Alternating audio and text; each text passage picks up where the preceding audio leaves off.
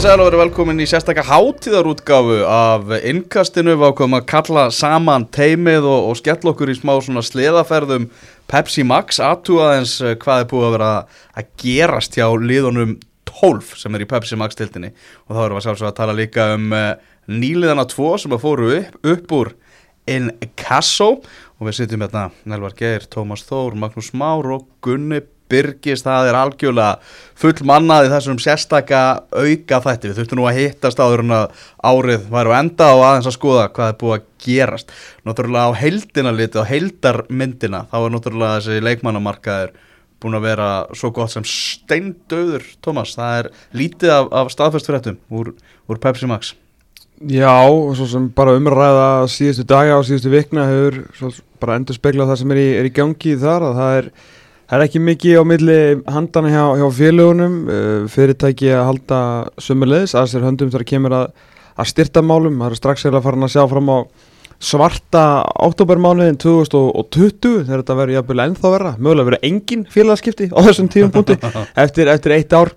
En menn eru, það eru, eru lítið um breytingar. Þú bara maður kíkir á, á komni farnilistan hjá, hjá Lilla Frenda. Þá er ekki mikið, ekki mikið að frétta. Sem að kannski gert veturinn svona nokkuð óspennandi til umræðu mm. uh, fyrir auðvitað þá náttúrulega hinn viðfræga þjálfarakapal sem að fór loksins af stað. Það búið að vera mikið að gerast í, í þjálfaramálunum og mikið í aðstóðar þjálfaramálum einnig. Það ætlum að kíkja þetta ætlum að taka þetta bara lið fyrir lið, byrja á Íslandsmestrunum og, og vinna okkur síðan niður töfluna, byrjum á káeringum, Maggi það, það er svona afskaplega lítið að frétta þannig að séð hjá, hjá Káer en Rúna Kristinsson, hann er áfram það var náttúrulega einhverjar vangaveltur um það hvort einhverjar erlendir aðilar getur sólstöttir hans kröftum. Já, það verður alltaf ekki, ekki núna.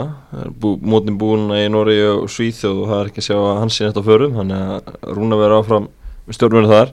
Má ekki segja það að Rúna Kristinsson bara eiginlega einn og sér eiginlega lang, langstæstan hluta í þessum Íslandsmeistarartilli, var?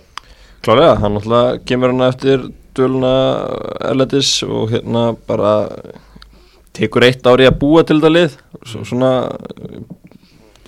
fyrra, fyrra árið hjá hann var bara allir læg komast aftur í hérna Európa-kjöfni og og fint sísón og svo bara sett hann alltaf fullt fyrir sérstíðan bil og það var bara liði klárt, þetta var bara góð liðsett sem hann búin að skapa og, og það skilaði þessum tilli Ég held líka sko að þáttur Bjarnar Guðjóns, það má ekki vannmeta hann þó að hann hefði náttúrulega átt svona frekar misöfnaða dölanda sem aðþjálfari að þá held ég að þeir tveir saman sé rosalega gott teimi því að Bjarni er veiti óhrættur við að, að challengea allar ákvarðanir og, og svona aðeins að, að halda rúnar á tónu þannig að ég held að þáttu Bjarnar í þessu eigi ekki skilið allavega minni viðingu sko mm.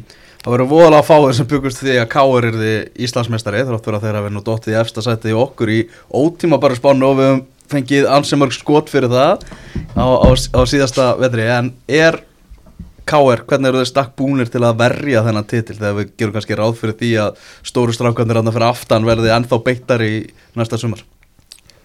Sko maður bjóst við því á þessum tímum búin að segja einhvern veginn að þeir, þeir gæti ekki unnið þetta aftur bara út af því að hinlegin myndu fara hlaðinn leikmönnum og kannski spila á einhverju já eins aðra kalibeli heldur en heldur en þeir gerðu. En, en sko liðin eru ekkert það breytt í raun og veru. Þú veist við erum svo, svo lítið að fara að sigla inn í, inn í mótið bara á, á mjög svipum leikmannahópum. Í raun og veru við þá bara þú veist við ætlum þá að fara að tala um kannski hver er munun á á þjálfurunum, þú veist, þú voru valsmenn að gera uppgreitt í þjálfurumálum, ekkit endilega ég meina Heimi Guðarsson er frábær þjálfari en Ólaður Jóhansson er sömulegis frábær ef ekki segja að þessi er bara á pari. Mm. ekki bara, þú veist, jafnmargi Íslandsmyndstartillar þú veist, já, já, en báði með að kannski, nei, Heimi reyndar með aðeins fleiri, frábær þjálfari og kemur auðvitað með ákveðna einsbyttingu inn í þetta, en, en Óli Jó á búin að vinna þarna, þú veist, þú veist, 8 til og 8 árum eða eitthvað, árun að hann árun að hann uh, var látið fara.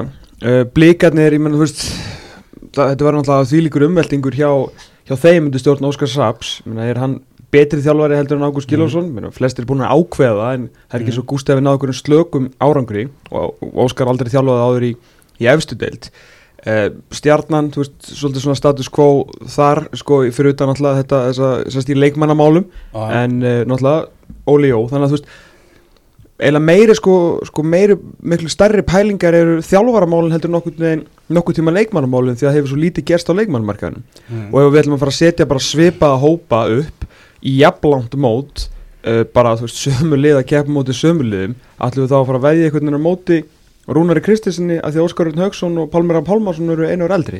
Nei, þú veist, Káur er ekki, þú veist, það er ekki spurning að Káur getur alveg varðið hennan titil. Alveg eins og þeir átti ekki að geta unnið hann á síðasta leiktið og geta alveg unnið hann núna. Þú veist, það er Mhm. ekkert eitthvað þvílíkt breyst ég menna Pálmi og Óskar báðir frábærir og, og liðið bara lítið sem, lítið sem ekkert breytt. Þannig að au- auðvitað geta þær varðið titlina með hann að Rúna Kristinsson þjálfur það er ekki nokkuð spurning. Maki, það er ekki bara gamli kallar hana, við erum að tala um náttúrulega Finnur Tómas, var náttúrulega er óvantasta stjarnar Íslandsmótsins í, í sumar, við erum að tala um það að Ægir Jarl geti farið í stærra hlutverk. Við fengur náttúrulega flóka til sín Já, já, algjörlega og hérna Emil Ásmundsson er að koma núna frá, frá fylki. Mm -hmm. þannig að hann er hérna þokkar langur eða líka þannig og að eiga kannski Alex Freyr Hilmarsson inni svona Já. heilt.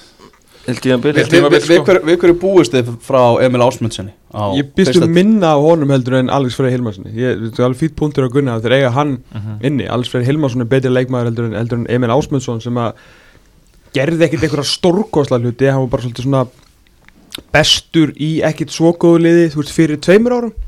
Og náttúrulega komst þarna skust upp á stjórnuhiminin á svona nokkrum umförum og dalaði svo verulega. Og svo náttúrulega meðist hann því miður illa á síðustu leiti.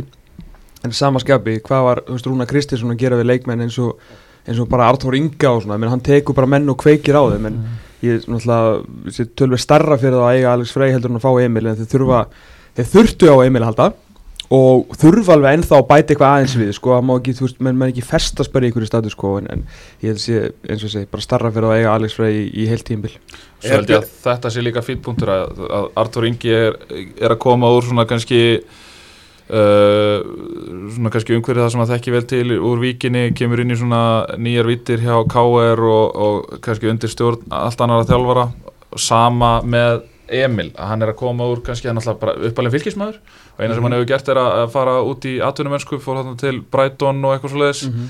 uh, þannig að ég held að þetta geti uh, svona kannski kveikt aðeins í ferlinum hans aftur og, og vonandi Ég hef bara sett hann af stað, já, almennilega. Já.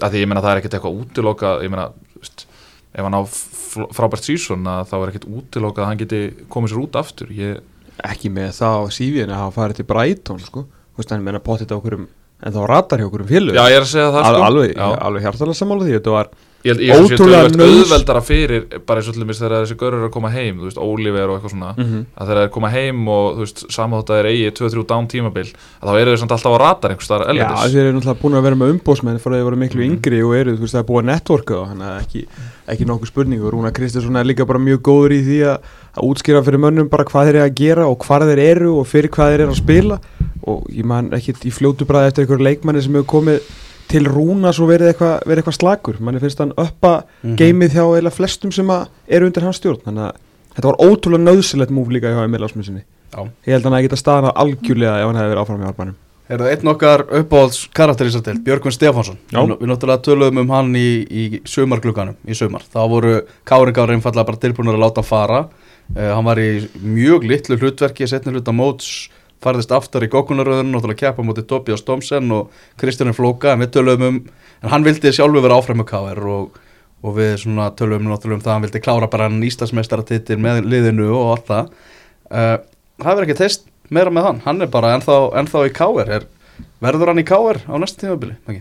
Já, ég menna, ef þið spila með tveggja sendara kerfi þá Já. verður með, þú veist, Flóka og, og Tobias og, og það þurfa líka að hafa- fleiri sendara, þannig að ég sé alveg gerast ef þið gera það þannig, þú veist, þeir voru svolítið að stundum í því í fyrra og stundum í fjóruði þrjum einn uppi og Flóka á kantinum og svona og ég get alveg séð að hann, að vera áfram hjá, ég, hérna maður heyrði hann ekkit annað og með árferði líka þá er held ég enginn að fara að kaupa hann. Mm þú veist, það er erfitt fyrir félög að fara að kaupa leifmenn og, og, fá það yfir þannig að ég held að það sé bara líkt að Líka með Að að hann, ef hann er sáttur við þetta hlutverk að vera bara þriðji strækjar að Rúnar vil pottið hafa liðið það flexible að hann geti bæði spila með einnum á topp og tvo á topp. Þannig að ert með þrjá frammerja ég get ekki ímyndað mér að Björgun Stefánsson sé eitthvað hérna, sko, þingst í bakkin á, á bankabók káringa um, um hver mánaðamót.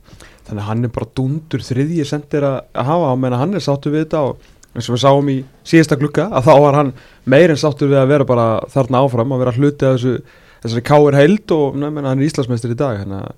Það er nefnilega, það er skortur á svona leikmönnum að því að þannig ertu með gæða leikmann uh, sem að þú veist í raun og veru alltaf hvað þú hefur og að það eru mörk í honum og allt svo leiðis en það er ákveðin skortur á þessum leikmönnum það er að segja að sætta sig við rulluna sína. Þú veist, það, það er oft talað um svona, þú veist, sérstaklega í svona NBA og eitthvað svona, það var alltaf talað um svona squad player og, svona gauðra sem að geta komið inn í rotationinu, komið inn að bekknum skila einhverju svona ágætum mínútum og svo koma stórukallarinn og klára þetta í dag þá er það bara þannig að þú ert ungu leikmaður, þú ert kannski í byrjunlið og dettur svo út úr byrjunlið og ert komin nú með kannski 2-3, þá bara já ég er farin ég farin sem, sem er líka alveg eðlileg pæling. Já, já. en, en eins og þú segir, það En- er ekki, er ekki margir hann- svona. nei. þannig að hann það- er svona massaður Gunnar Solskjær. Já, til þess að til, til þess að geta búið til almennilega heild og almennilega lið, þá þarf það að vera með svona leikmenn líka.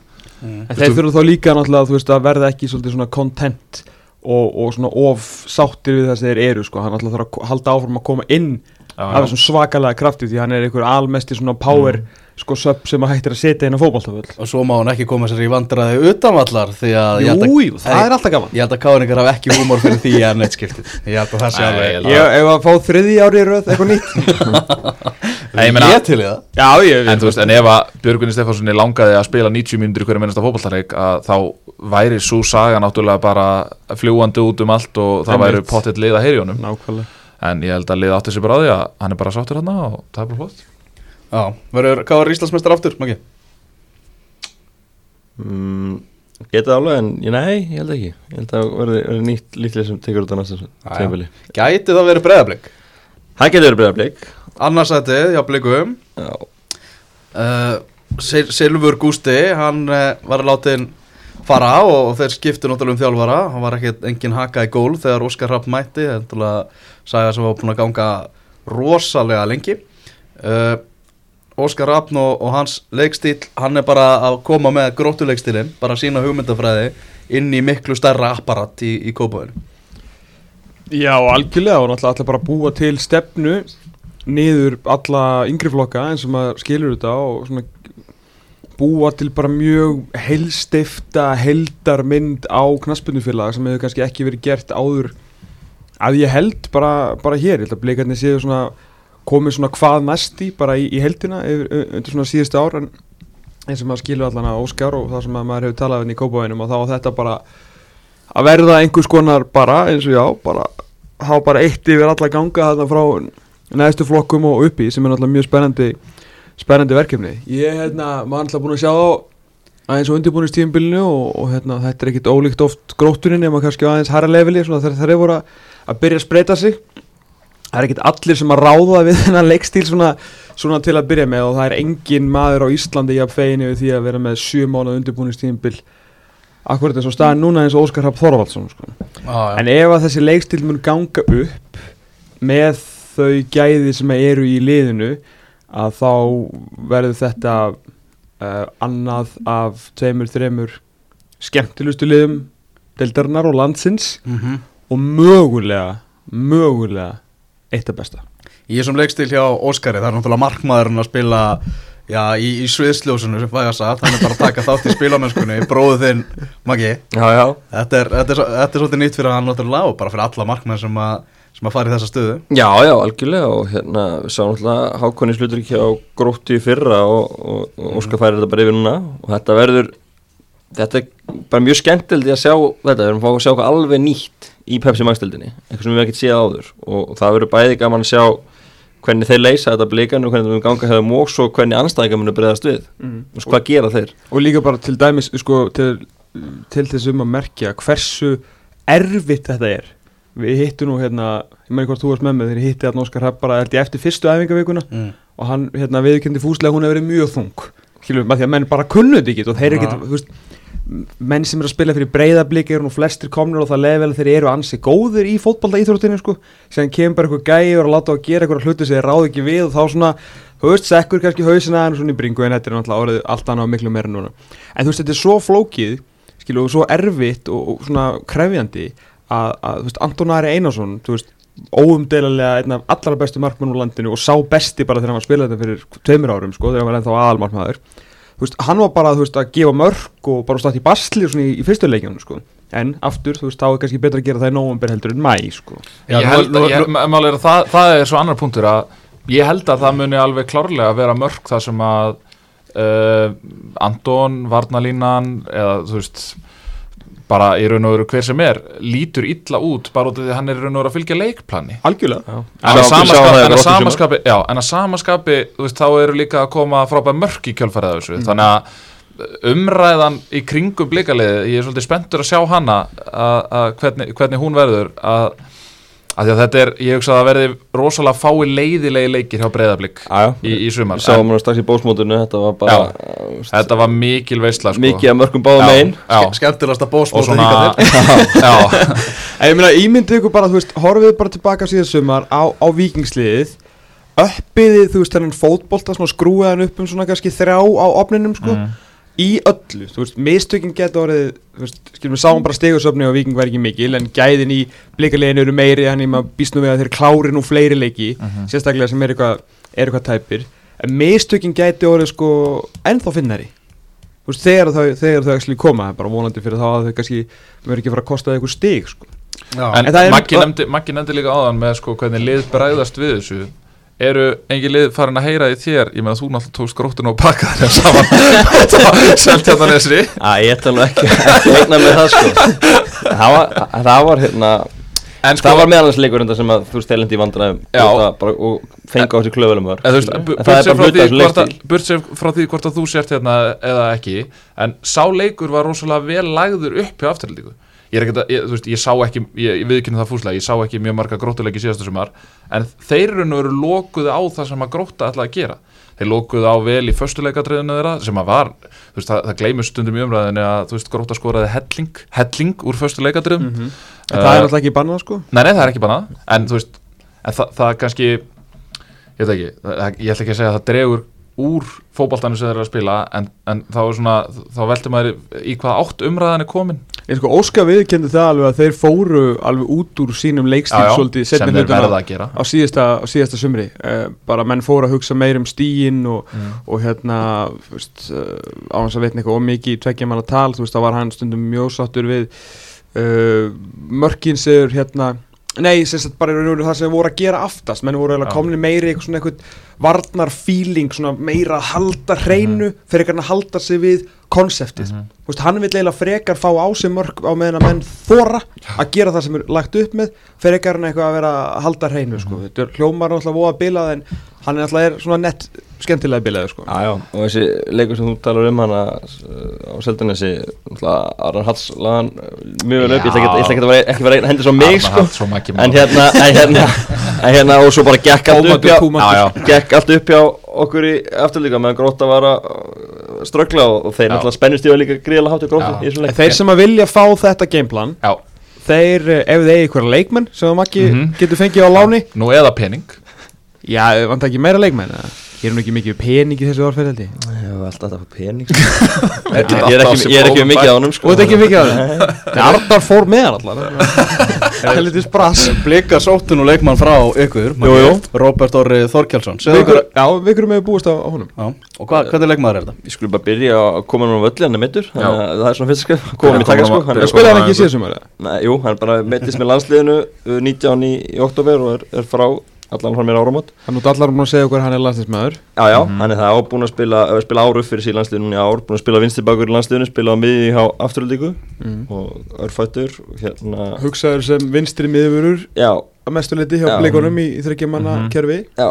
Og, og það er náttúrulega eitt sem er, er í þrýr, fjóri, þrýr tígul Já, Já, og það er kannski eitt sem er náttúrulega Óskar hefur unni með en hann vil hafa örfættamann þeim veginn upp á uppspilið að gera. Já. þannig að, þannig að hérna, 17 ára. Já, þannig að já, hann er búin að spila núna tvö tímabili mistaflöki mm -hmm. eitt í annar deild og eitt í var er hann bestur. reddi í það?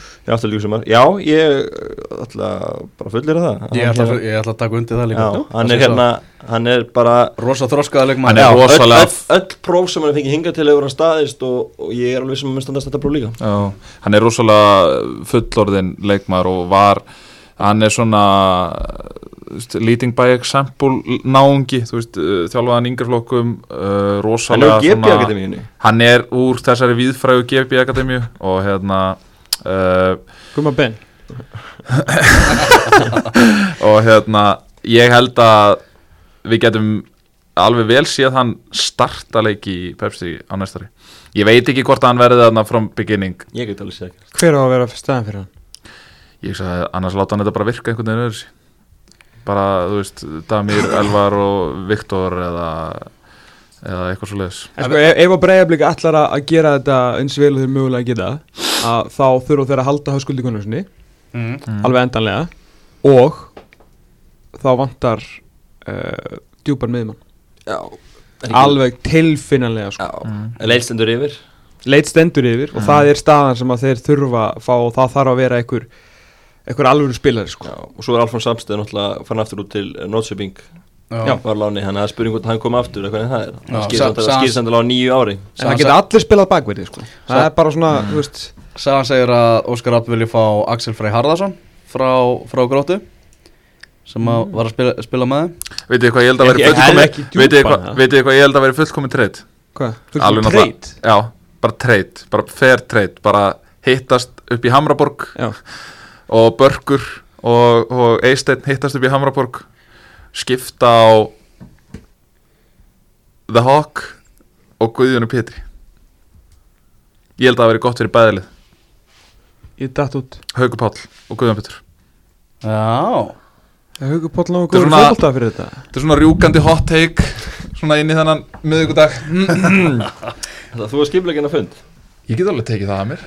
Nei, ja, þú veist, eins og ég segi þú veist, bara with all due respect á báða leikmenn þá finnst mér eins og Valur þurfa að halda áfram þú veist ég er ekki að segja að Haugupáll sé slagur leikmaður eða eitthvað svoleiðis en uh, ég er svona einhvern veginn ég væri til í að sjá Haugupáll bara einhvers staðar annars staðar mm. og Guðjón Pétur ég ég veit ekki hvernig hann á eftir að fungera í þessu kerfi hann náttúrulega að hlaupa gríðarlega mikið og, og það er kannski ekki hans stíl en svo má bara vel vera hann bara held að Guðjón Pétur munur alltaf fungera í, í tíunni þannig að hann getur ekki, hann getur ekki spilað sexuna í Nei. þessu kerfi held ég ekki, til, Nei. ekki til lengri tíma sko veit, hann, veit ég hvort hann vilja það heldur sko Ef að væri en verið myndu þið segja að þetta verið unfair skiptið það? Unfair alls ekki fyrir skipti, nei, nei, nei, nei, það vantar ekki eða hver svo, er, nei, kittir hún þetta vantilega, þú veist Já, en ef það betri er að á- spila betri á svona nú. þryggja manna miðju að þá sérstaklega í ljósi þess að Guðjón Pétur er búinn að vera að spila svona varnasinnar á hlutverki á Mhm. breyðablík að hann, Lasse Petri Kitty ég bara veit ekki hvort að Haugur Páll sé bara alveg nógu góður í fótbolti í þetta sko. En ég meina hann hefur samt sko sérstaklega uh, þegar Valur var upp á sitt besta þá var, þá var það hann sem að var í raun og veru svolítið að stýra uppspilinu hjá Val. Já, þegar hann það var að droppa á- milli en hafsenda það var miklu einfaldara sko. Já, já, það er töluvert einfaldara. Það er töluvert einfaldara Nei, þetta er náttúrulega aldrei að fara að gerast. Nei, nei. Aldrei nokkuð tíman En ég bara bara, bara að taka hansi marga mínútur hérna um, um sjóðheitek Það er verið að tala um það að 2021 uh, verði Íslandsmóti jafnvel lengt. Eða var umræðum það lengja fyrir næsta sumar þá held ég Óskar Rapp var á móti. Já. hann þarf á hverri mínútu af þessu Já, undirbúst þeir, þeir getur verið með svolítið, getur verið búnir í baróttunni þegar alvöru móti myndi hefða síðan í apríl sko. Flöyti til leiks í februar Breyðabliks og bara eðlilegt að, að stuðningsmenn breyðabliks setja á liðið hefur verið í öðru sæti núna síðustu tvö ár töpuð í byggarúslitum í fyrra og, og allt það. Veist, er krafan svo að þeir verði skemmtilegir og verði uppbygging í gangi og þeir lenda á fínum stað? Skemmtilegir uppbygging Evrópa. Skemmtileg Nei. uppbygging Evrópa? ég get, ekki, ég get ekki tekið undir það því að uh, liðið er ekki lagar en það væri í fyrra. Ef eitthvað er það var það betra. Uh, á meðan að önnur lið er ekki að styrkja sér neitt gigantíst ja, þau eru samt að halda í sama leikstíl sko. við vorum að tala um þau getur verið að fá á sig alls konar fyndir mörg og vera að tapa ykkur stigum. Þannig að mér finnst eitthvað svona að þú þarf að spyrja um kröfu sko. væntingar með að klálega vera Íslandsmeistar ekki já, spurning. já, en mér finnst krafan ekki eitthvað þú veist bara titill eða döði sko. en krafa finnst mér þá top 2 það skiptir bara einhver máli nei, sko. nei, Leifmann sem getur sprungið út Brynjólfur Dari Já. Hann gæti orðið geggjar í Mm og svona spáði kannski fyrir síðasta tímabil Já, áttalega glefsur Já, ég betur. nenni ekki enn einu leikmönnum sem við ætlum að spá hérna fimm ári röð að fara að springa út sko. nú Nei, ég bara, er nú bara- bara, fara hann alltaf þarf að fá að sko. spila Já, ég held bara og leikjaru og- stedd í og- tröst til þess að fá að springa út sko. ég held að þetta er nú Mhm. Guðmundur Andri- Tryggvason þú veist, hann fór út eftir að spila sjö mínútur sko. þannig að skilur, bara nýtti þessa mínútur betur Ég við, mikla trú á honum sko, mér langar að hann verið góður, hann er alltaf flottu karakter og skemmtilegur til að eitthvað dúsa á bekknum og vera eitthvað með höfuð upp í raskatana sér sko, ég er bara að fá hann gæði í gang sko. erum förum í dramatíkina? Förum í, í kaplakrika? Er eitthvað dramatík þar? Já, búið að vera svolítið lengi. Uh, Það er ekki FA að fara að ráða sér eitthvað almennilega bara Pér fulltrúa eða eitthvað? Jú, versta hérna, Ég ein, einu menninni með viti og alltaf samherji sem er reyðið Þorbjörn Þórðarsson Já, e, í PR-teimi sitt, hann er búin að vera hann á lausu lengi og Já, ég tæki bara, er ekki, ég meina Sigmundur Davíð mætareldur á þing, hann matrixa sér frá öllum vandamálum heimsins, þannig að ég myndi sannlega ringja fyrst í hann. ég held að hann hafa þér efni síðan á PR fulltrú og hvað þá Sigmundur Tag hafa þær efna á Þeir hafa alltaf ekki haft efna á að, að borga laun Til hvað einhverja þjálfara og, og leikmanna. Og Sko, ég ætla að byrja á því að segja það að þó maður eigi kannski ekki vorkina þeim sem er ekki að borga laun sem er búið að semjum en sjálfsög að þú gerir einhverja samninga þá ertu að standa við þá. E, það er alveg alvitað í þessari deild til margra ára að það er ekki allir sem að fá alltaf borgað fyrsta eða fymta hvers mánuðar hvernig sem útborgunum dagur er Ertu þá að tala um, ertu þá að tala um Þetta, alla í félaginu? þetta veist mér líka lélegt að FA að vera að tala sérstaklega um Það eru fleiri fjölur sem eru ekki að borga sko. Já, sko. En ertu þá að tala um, um leik með mestarflóskalla eða ertu að tala um félagið í held? bara meistarflós kalla Já, af því já, að þú veist við erum að tala um já, já. uh, sko þetta, þetta er svona út um allt og búin að vera svona ógeðslega lengi þannig ég vork, sár vorkinni F-fáingum einhvern veginn að hafa þurft að verða lendi því að verða félagi sem er einhvern veginn svona ég veit það ekki, félagi sem að þarf að koma svona, allt er sett á tork og Lendur, stræti. lendur í þessu? Já, er, þetta ekki, er, er þetta ekki eitthvað sem þú kemur þig fyrir í? Já, nákvæmlega ég, ég sé það sko, þeir samt lendi í því að, þú veist, þetta er búið að vera í gangi hjá fullt af félögum í langan tíma Það er Svona, svona slemt Maður hefur ekki heyrt af Nei, fyrirhugum verkfallsaðgerðum leikmanna. Pétur Viðarsson segir bara að við hjálpa sér í ákvörðinu sinna að fara Slakið nú aðeins á. Já, já. Ég er ekki að segja þetta sé eitthvað gott hjá þeim. Nei, og ég vorkin ekki mönnum sem get ekki staðið við samninga. En fyrir stuðningsmenn félagsins og bara vera F á einhverju dag og þurfa að horfa alltaf upp á allar fréttinnar að sagt bara sko það er verið menn sem bara fara að segja hvað er verið að taka mikið lán frá barna og úlingaráði til þess að borga leikmennu því þeir get ekki staðið við samninga mm. Veist, Ósamþykkt vorkin- lán. Já, heldur betur Þetta er fyrsta lánið það sem var engin lán veitandi það var bara lán uh, tökumæður sko. Það sem ég er að segja er bara mér þetta ótrúlega leðilt fyrir bara FH skilur, einhvern veginn stuðning sem er FH í dag það er engin að ræða við þig um hvað getur mögulega gerst næsta sumar í sko inn á vellirum sko. það er allir einhvern veginn að, að tala um að því eigi enga peninga uh, að því sögðu þá er náttúrulega bógin spendur ævindýrlega hátt Mm. og allt sem maður hefur heyrt undanverðin ár, undanverðin sérstaklega kannski svona 2-3 ár að virðist bara að vera veist, alltaf er maður að bera þetta upp á veist, að það væri veist, x margir í þessu liði, maður har heyrt það fá ansið sterkum heimildum með sko bara kannski samtals yfir miljónu laun og það var alltaf borðið tilbaka augljóslega var þetta spennt upp í hæstu hæðir sko. Og þeir eru bara því miður að, að súpa segið á því og reyna að koma þessu einhvern veginn í og sko sama tíma þau eru að gera allir þessu laun þá eru líka að byggja sko. Já, og, og, og, það- og það sem er líka að gerast í þessu er að þetta allt í raun og veru á kannski, þetta á náttúrulega dýpri rætur en ég meina þetta byrjar að grassera náttúrulega alveg rosalega mikið þegar að FH kemst ekki í Evrópukeppni og missir þar af leiðandi af 20 miljóna þannig að sko það hefði alveg verið hægt að kingja stolti fyrir FH-enga og bara mínimæsa aðeins rekstur það hefði alveg verið hægt. Já. en í staðin þá haldaði leikmennum þeir fá til sín leikmenn ef eitthvað er. Þannig að ég ég, allavega vorkun mín er ekki mikil sko, ég meina, menn koma sér í þetta algjörlega sjálfur Já, þeir eru svona fyrst núna farnar rétt upp hönd og segja bara, veist, mm. það var verið að spenna of hátt og er ekki búið að ganga og bara bratt í hlutina og allt það uh, hinga til hafa nefnilega svolítið verið að skjóta sendibúðana og verið bara pyrraður yfir því að sé verið að tala um þetta og eitthvað þannig sko. En nú, eh, þú veist, allavega það var fyrsta skrefi komið núna, þeir eru farnir að, að viðurkenna að sé vandamál og, og, og það er búið að tala um það að það verið allir konum með greitt fyrir jólin, þannig að það geti kift jólækjafir Já, já. Þannig að það þarf að hætta að leita þarna laununum á Steve Lennon á, á ströndinni. En hvað hva, hva heyrir maður um Steve Lennon? Ég er bara það að það sé verið að bjóða hann út og ég er reyndar ég heyrði að hann væri einn af þeim leikmennum sem að væri ekki búið að gera fyrir Já, þeir voru tveir. Herri Eikstæðar sem er ekki búin að fá ekki allan greitt fyrir einhverjum tíma sko hvort að það tengdist þessu láni veit ég ekki sko Mhm. eða hvað. En ég er farin að svona hallast frekar að því að Stephen Lennon verður nú ekki leikmaður FH þegar þetta mót hefst sko. Ég veit ekki alveg hversu Nei. mikinn húmor Óli og, og Halldór Sinir og, og, og Valdi og þeir hafi svona fyrir þessu sko að það, það hafa alveg nógu margir séð um það að vera að svona bera fram fréttir um FH bæði sko á baku tjöldin og náttúrulega veist, út í kosmósi sjálft sko. Þannig að ég held að þeir hefðu kannski betur svona þegið að besti leikmaður liðsins væri ekki í ykkur svona pillum sko. Mhm. sjálfsögur þarf hann að fá greitt en ég veit ekki, ég, maður ekki allan skilur að Óli og félaga þessu pyrraðir Já, já, þetta er kannski ekki alveg leiðin þetta er kannski Nei, alveg leiðin ekki og svona kannski er eitthvað ákveðin svona ákveðin trúnabrestur sem á sér stað með þessu Instagram fæslu sko. Já, þannig svona er bara skortur á einhverju svona félags, félagsást Já. ef, ef svo má segja.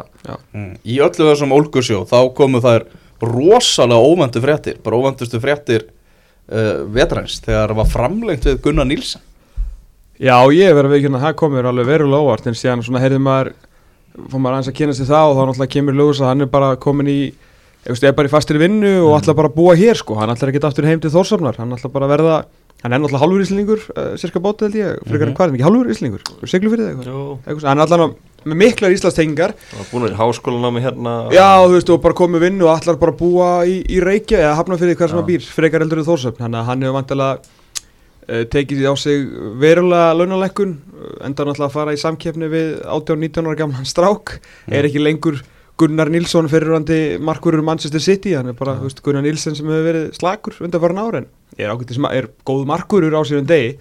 Þannig að svona þegar maður fór aðeins að pæla meira í þessu þá var þetta kannski alveg jafn óvænt sko. En ég skil, þegar maður sá fréttina fyrst var maður bara ha sko. Hver verður í marki FO í fyrsta leik Pepsi Max deltarnar 2020 gunnar? Ég svo það verið dæði Ég ætla að segja Gunnar Nilsson Nei, ég meina, ég, ja, það er svona kannski meira óskikja, ég veit það ekki.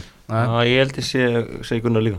Þannig að það er, þú fara úslita atkvæðir Það er Gunnar Nílsen sem að byrja. En, en þetta minnst þannig tæft sko, ég verð ekkert, haka fyrir ekkert í gólfu þetta að verða Nei og ég er Þetta sammála Gunnar þetta bara upp á, á gaman svo dag að fá- framtíð lands og þjóðar. Auðvitað vil maður sjá ungan Íslanding en ég, veginn, ég held að Gunnar sé í heldina betri markur Hann er það. Og hérna bara gríðaleg auðmygtar pilla sem hann þurfti að kingja síðustu leittíð ennþá meiri nú þegar hann að lækka ég ætla bara að segja að hann sé að lækka við þessu samningi ég held að sé bara getum alveg talað Það er potti hreint um það. Ég held að minni Og- skilja sig að hann verði bara ennþá betri. Sko. ég held hann um líka, ég bara held að vera miklu betri. Nýr markvarið þjálfur lítur að stöða menn líka.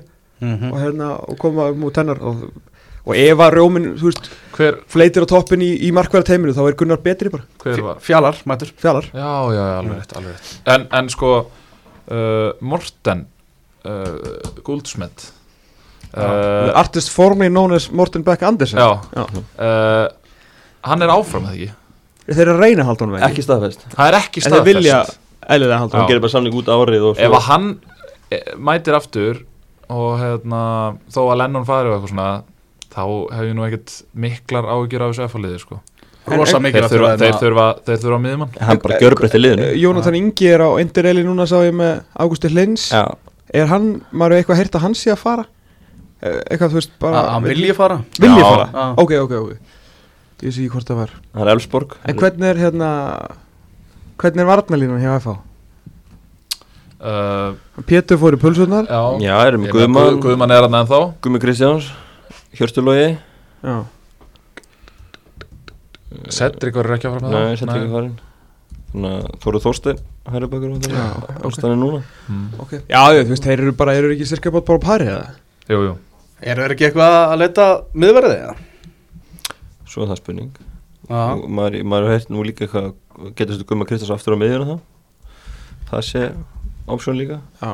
Fengur alltaf baldur sig. Já, það er signing í lægi, En mistu það er það Já, en hann kemur bara í staðinn. Já, ég segi það það Þá er- vantaði sko, hérna Ég held ekki, ég hef ekki sagt frá því núna að þegar þessi Óli Kristjáns kom til okkur í þátti núna á dögunum að þá saði hann bara við okkur um leið og mæk, hérna voru slögt á mækunum Baldur sig er maður sem ég vil fá sko.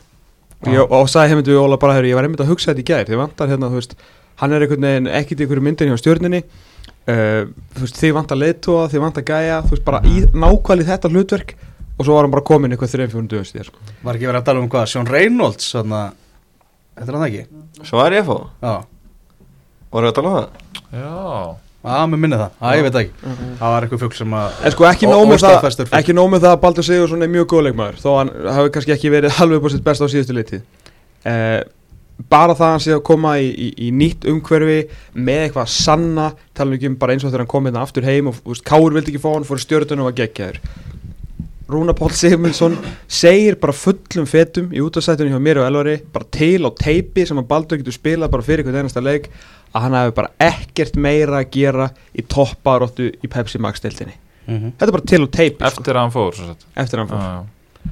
hann bara útskýrði það fyrir Baldur Það- vildi fá hann í teimið og hann á bara á ekki meira til að gefa í topparóttu í Pepsi Max deltinni ef að þetta kveikir ekki neista í Baldri Sigurssoni og ég get ekki beðið eftir leik FH á stjórnuna sko Mm. Mhm. En e, hérna, eru þeir ekki að fara að nota hann bara í hafsend eða? Hann hlýtur að enda þar Ég er bara svo mikið. Aðeins byrjar að fikast þangað í sömum með styrunni Já. algjörlega á hann geti alveg verið það sko Og ég heyrði, sko, þegar hann fór þarna uh, Þá heyrði ég að þeir ætluðu mitt að íta Guma Kristjáns upp á miðina Já. Og Já, Baldur hvað sem að vera í miðverið að hafsend sko, sæningi er frábært sko Miðverðið eða hafsend Miðju, miðjunni miðverið að hafsend. Miðjum manni að hafsend. Það var sæningi frábært. Er Óli Kristjáns á, á þriðja ári? Hvað, hvað á Óli Kristjáns að gera með þetta F-lið á, á þriðja ári? Evrópa bara. Já. Náttúrulega aðveist að vera náttúrulega að gera líka ráð fyrir því að þetta hefur verið erfitt fyrir Óla svona umhverfið sem hann hefur þurft að vinna í. Já, bara ekki nokkuð spurning og bara gerði vel í að koma þessu liði Evrópu með að við allt og allt greinlega á síðustu leittíð það hefur þá verið á endanum ágætis sko, að maður heyrði það mikill óeiningu mm. og, og svona og fílu og svona skilur menn einhvern veginn að þú veist, æsingur út í kringum allt sem verið í gangi en það hefur hlýtur þá að verið einhver eining og sameining í gangi ef að liðið á endanum klárar sitt að fer í byggarústin er enda að pakka saman þar en þú veist, á endanum náðu þriðasettinu í Mm. öllum þessum veist, með við allt sem við vitum í dag þá hljótu við að gefa þeim smá kredit fyrir það Mm -hmm. uh, bara voru þeir allan að nægan tíma til þess að leysa málin, skilur reyna að þjappa saman hópin, bæta kannski einhverju smá við, fara í leysitak, taka smá skilur, smá hristing á þetta kannski svona einu svona í mánuði, ég myndi núna halda skemmtikvöld einu svona í mánuði til að reyna aðeins að laga mórlinn, ef, hann er eitthvað slemur en, en að fá bara að gera tilkalli í, í Európu, það er ekki nokkuð spurning. Mm Förum yfir í, í, í Garðabæin uh, það sem er náttúrulega risastór tíðindi urðu þegar Óli Jó mætti við hlið Rúnars Páls. Þeir eru saman hérna í tveggja þjálfara kerfinu Já. sem er umdelt kerfi. Þú verður að draga tilbaka sem Gunnar Nílsson og óvæntustu tíðindi sko. Þetta Já. vinnur alltaf. þetta Hvað? vinnur alltaf? Tíð, tíðindi hausins ég það tilbaka. Ég datt út. Óvæntustu tíðindi hausins Óli það, Óli Jó Já, Óli Jó, já. Það veist, vinnur alltaf. Segjum það í, Þjálfaramálum, hitt verður leikmannmálum Það var alveg bara by far sko. Það sá þetta enginn koma. Nei, ekki neitt, Nei. ekki nokkuð maður. Uh, er, Hver er svona ykkar skoðun á þessu? að Þarna eru tveir bara hákallar mættir, hlið við hlið uh, Ég sá til dæmis að doktorinn var að tala um það að ef þetta væri það sem væri að virka þá væri Real Madrid bara með Jókim Löf og Sinnetin Zidane og, og Mourinho bara alla saman eða eitthvað mm -hmm. Þarna en Já, en, en þá náttúrulega þyrftu þær aðstæður náttúrulega að koma upp Ég meina, þú veist, þarna ertu samt með sko Óla Jó sem er atvinnulegs, uh, það er mikið búið að tala um Rúnar Pál undanfærin ár uh, hvort að hann sé að við tölum nánast um það bara á hverju ári síðustu hvað, tvö eða þrjú ári eða eitthvað hvort að hann verði áfram með liðið og eitthvað svona mm, og hvort að það sé komið tíma á einhverja breytingu þar og eitthvað svona þú veist uh, kannski er þetta breytingin sem þið þurfa en ef ekki þá líður mér rosalega mikið eins og Rúna Páll verði fljótur undir vagnin ef að illa gengur og Óli tekir bara við þessu já. Hvernig heldur þú svona þeirra samstarf verðum ekki? Hvernig munur skipta þess? Ég var nú stættur í kórnum á, á lögadegin og hitti það félaga á verið að stýra æfingu og það bara veitist vera allt í sko heimnalegi bara mjög hræsið saman og, og mjög gaman. Þannig að ég just, allan en þú veist, en byrja er með Óli til að droppa keilum og þeir voru reynda bara að taka ykkur jójótest Já, er, ok. er ekki Rúna Páll að fara að vera miklu meira á æfingarsvæðinu heldur en Óli Jó? miklu meiri hands-on Jó, coach og, heldur en veist, minna, og það er náttúrulega lítið að marka ákvörð núna hvernig það stað, það bara fyrir áramót og annað en, en það sem ég langar mest til að sjá bara er leikstíliðsins, Hva, hvernig verður hann? Úst, svolítið að mætast hana tvær anstæður og, Já. og þú veist, þeim munum vantanlega að reyna mixingum koktel úr því og hvernig hann verður, mér langar Mm. svolítið að sjá það. Þú veist, hvað hva, hva kemur mikið af Óla Jó hvað hversu mikið kemur Óli Jó að þú veist, uh, sínudóti menna Rúnar Páll hefur verið með beinskynda hópallönda farin ár. Og hvað mun það breytast mikið? Og, og svona hver hefur loka orðið líka þegar það- koma stóra ákvarðanir? Sko hvort sem að menn haldi þetta muni virka eða virka ekki þá er þetta samt allavega, geta allir verið sammála um það að þetta er skrítið. Já, hver, hver fyrir viðtöl? Þeir eru báðir ekki mjög hrifnir af því að fara í viðtölu eftir tableggi sko. þetta ekki steiskeri blæði eftir það bara þarf að fara.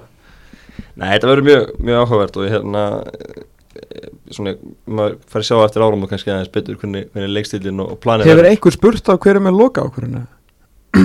Já, já, þeir voru spurðið í viðtali eftir og þá bara töluður eitthvað um að við gerum þetta í sammenningu og, og ræri ræri, sko.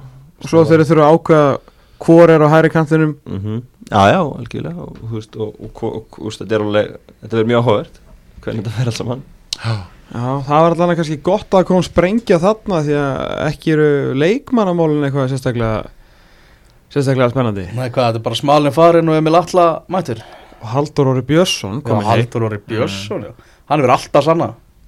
ansi mikið, hann Ah. hefur nú bara ekki náð bara dampi hér síðan að koma aftur heim úr úr atvinnumennskunni uh, náttúrulega Emil Atlason bara annar sko power forward sem að reynda að skora hann og fleira fleiri mörk en maður kannski bjóstuði með háká á síðustu leitið og náttúrulega gaman hvort að Mm.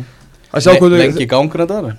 mjög lengi í gang en, veist, hefur svo sem allt er brunns að bera ef hann er heill til að spila stjórnufótbolta uh, síðan átt það bara ég að Haldur Óri Björnsson og varamartmaður þannig að ef þeir ætla að halda þessu gerðu, gerðu nánast enga breytingar á leikmannahópnum fyrir síðustu lítið, eitthvað eina, tvær að uh, þrjárum er svo náttúrulega eitt leikmaður fór á, á láni, þannig að uh, veist, þetta er allan svo staðin akkurat núna er sumulegis aftur lítið breyting á leikmannahópnum, fyrir utan að Rúnar auðvitað talaði með okkur að hann að fara íta inn fleiri ungu leikmannum og það er vonandi að hann gerir meira en að tala um það. Við fáum að sjá Sölva Snæ í starra hlutverki og svo myndist hann á fleiri nöfnum það var nú gaman að líka fyrir stjörnum en að að fara að fá smá kikki við höfum alveg séð svona aðeins verið að drabbast niður á, á Samsung sko, Silfur Skeiðin, þeir eru svona 12 til 15 eftir 30 á, á tillitugum, skiluru það er ekki alveg sama spennan sko, í kringum Þetta þetta er sa- stjörnum mér finnst Sami sögu þráður svolítið aftur og aftur Já, sko. Já. minnst vera smá deyfði yfir þessu undanfærin ár hjá stjórnunni þeir þurfa eitthvað að þetta með Óla Jósi eitthvað, eitthvað sem að sparkið þeim á stað veit ég ekki en Ólijó og þú veist ungir stjörnumenn, skilur, Mm. það er allavega einhver, einhver byrjun. Mm, Það er eitthvað, þannig að náttúrulega mótið stjórnur þannig að liðið á að vera í Evrópu eins og Rúna Páll sagði, bara félagið er, er byggt þannig, en það er engin Evrópa hjá þeim í dag. Og það er svona aðeins verið að draga saman seglin, maður svona, svona sér það, Já, bara skinsamt, skinsamt. það er langt síðan að Óli var að þjálfa og var ekki í Evrópu. Fór ekki í Európu Já. eða þú veist, var ekki í í Evrópukeppni, kefni Teku var það var ekki Európa þannig Nei, Mm. Þannig að hérna Já, maður veit ekki alveg hvort maður eigi að gera kröfun ekki kannski kröfu veist, hvað, Er krafa á stjörnuna að lendi, að í Európa-seti? Nei, Nei, alltaf markmiði samt Að sjálfsögum markmið, það Já. kannski- er það Þannig að að segja það að þessi þetta sjálfu kröfu á sig að, að skila því, sko. Já, það er- það er meiri svona þrá og þörf þörf, Já. það álítur að vera að krafa, ef að bara mótilið er byggt upp á það að gera það. En ef þeir, þeir, þeir hafa lítið á þetta sem kröfu Já. að þá er miklu hætt, meiri hætta á því að þeir taki ef að kalla það sjensa, þú veist, á leðilegt orð á að leifa yngri leikmönnum að spila sko. mm.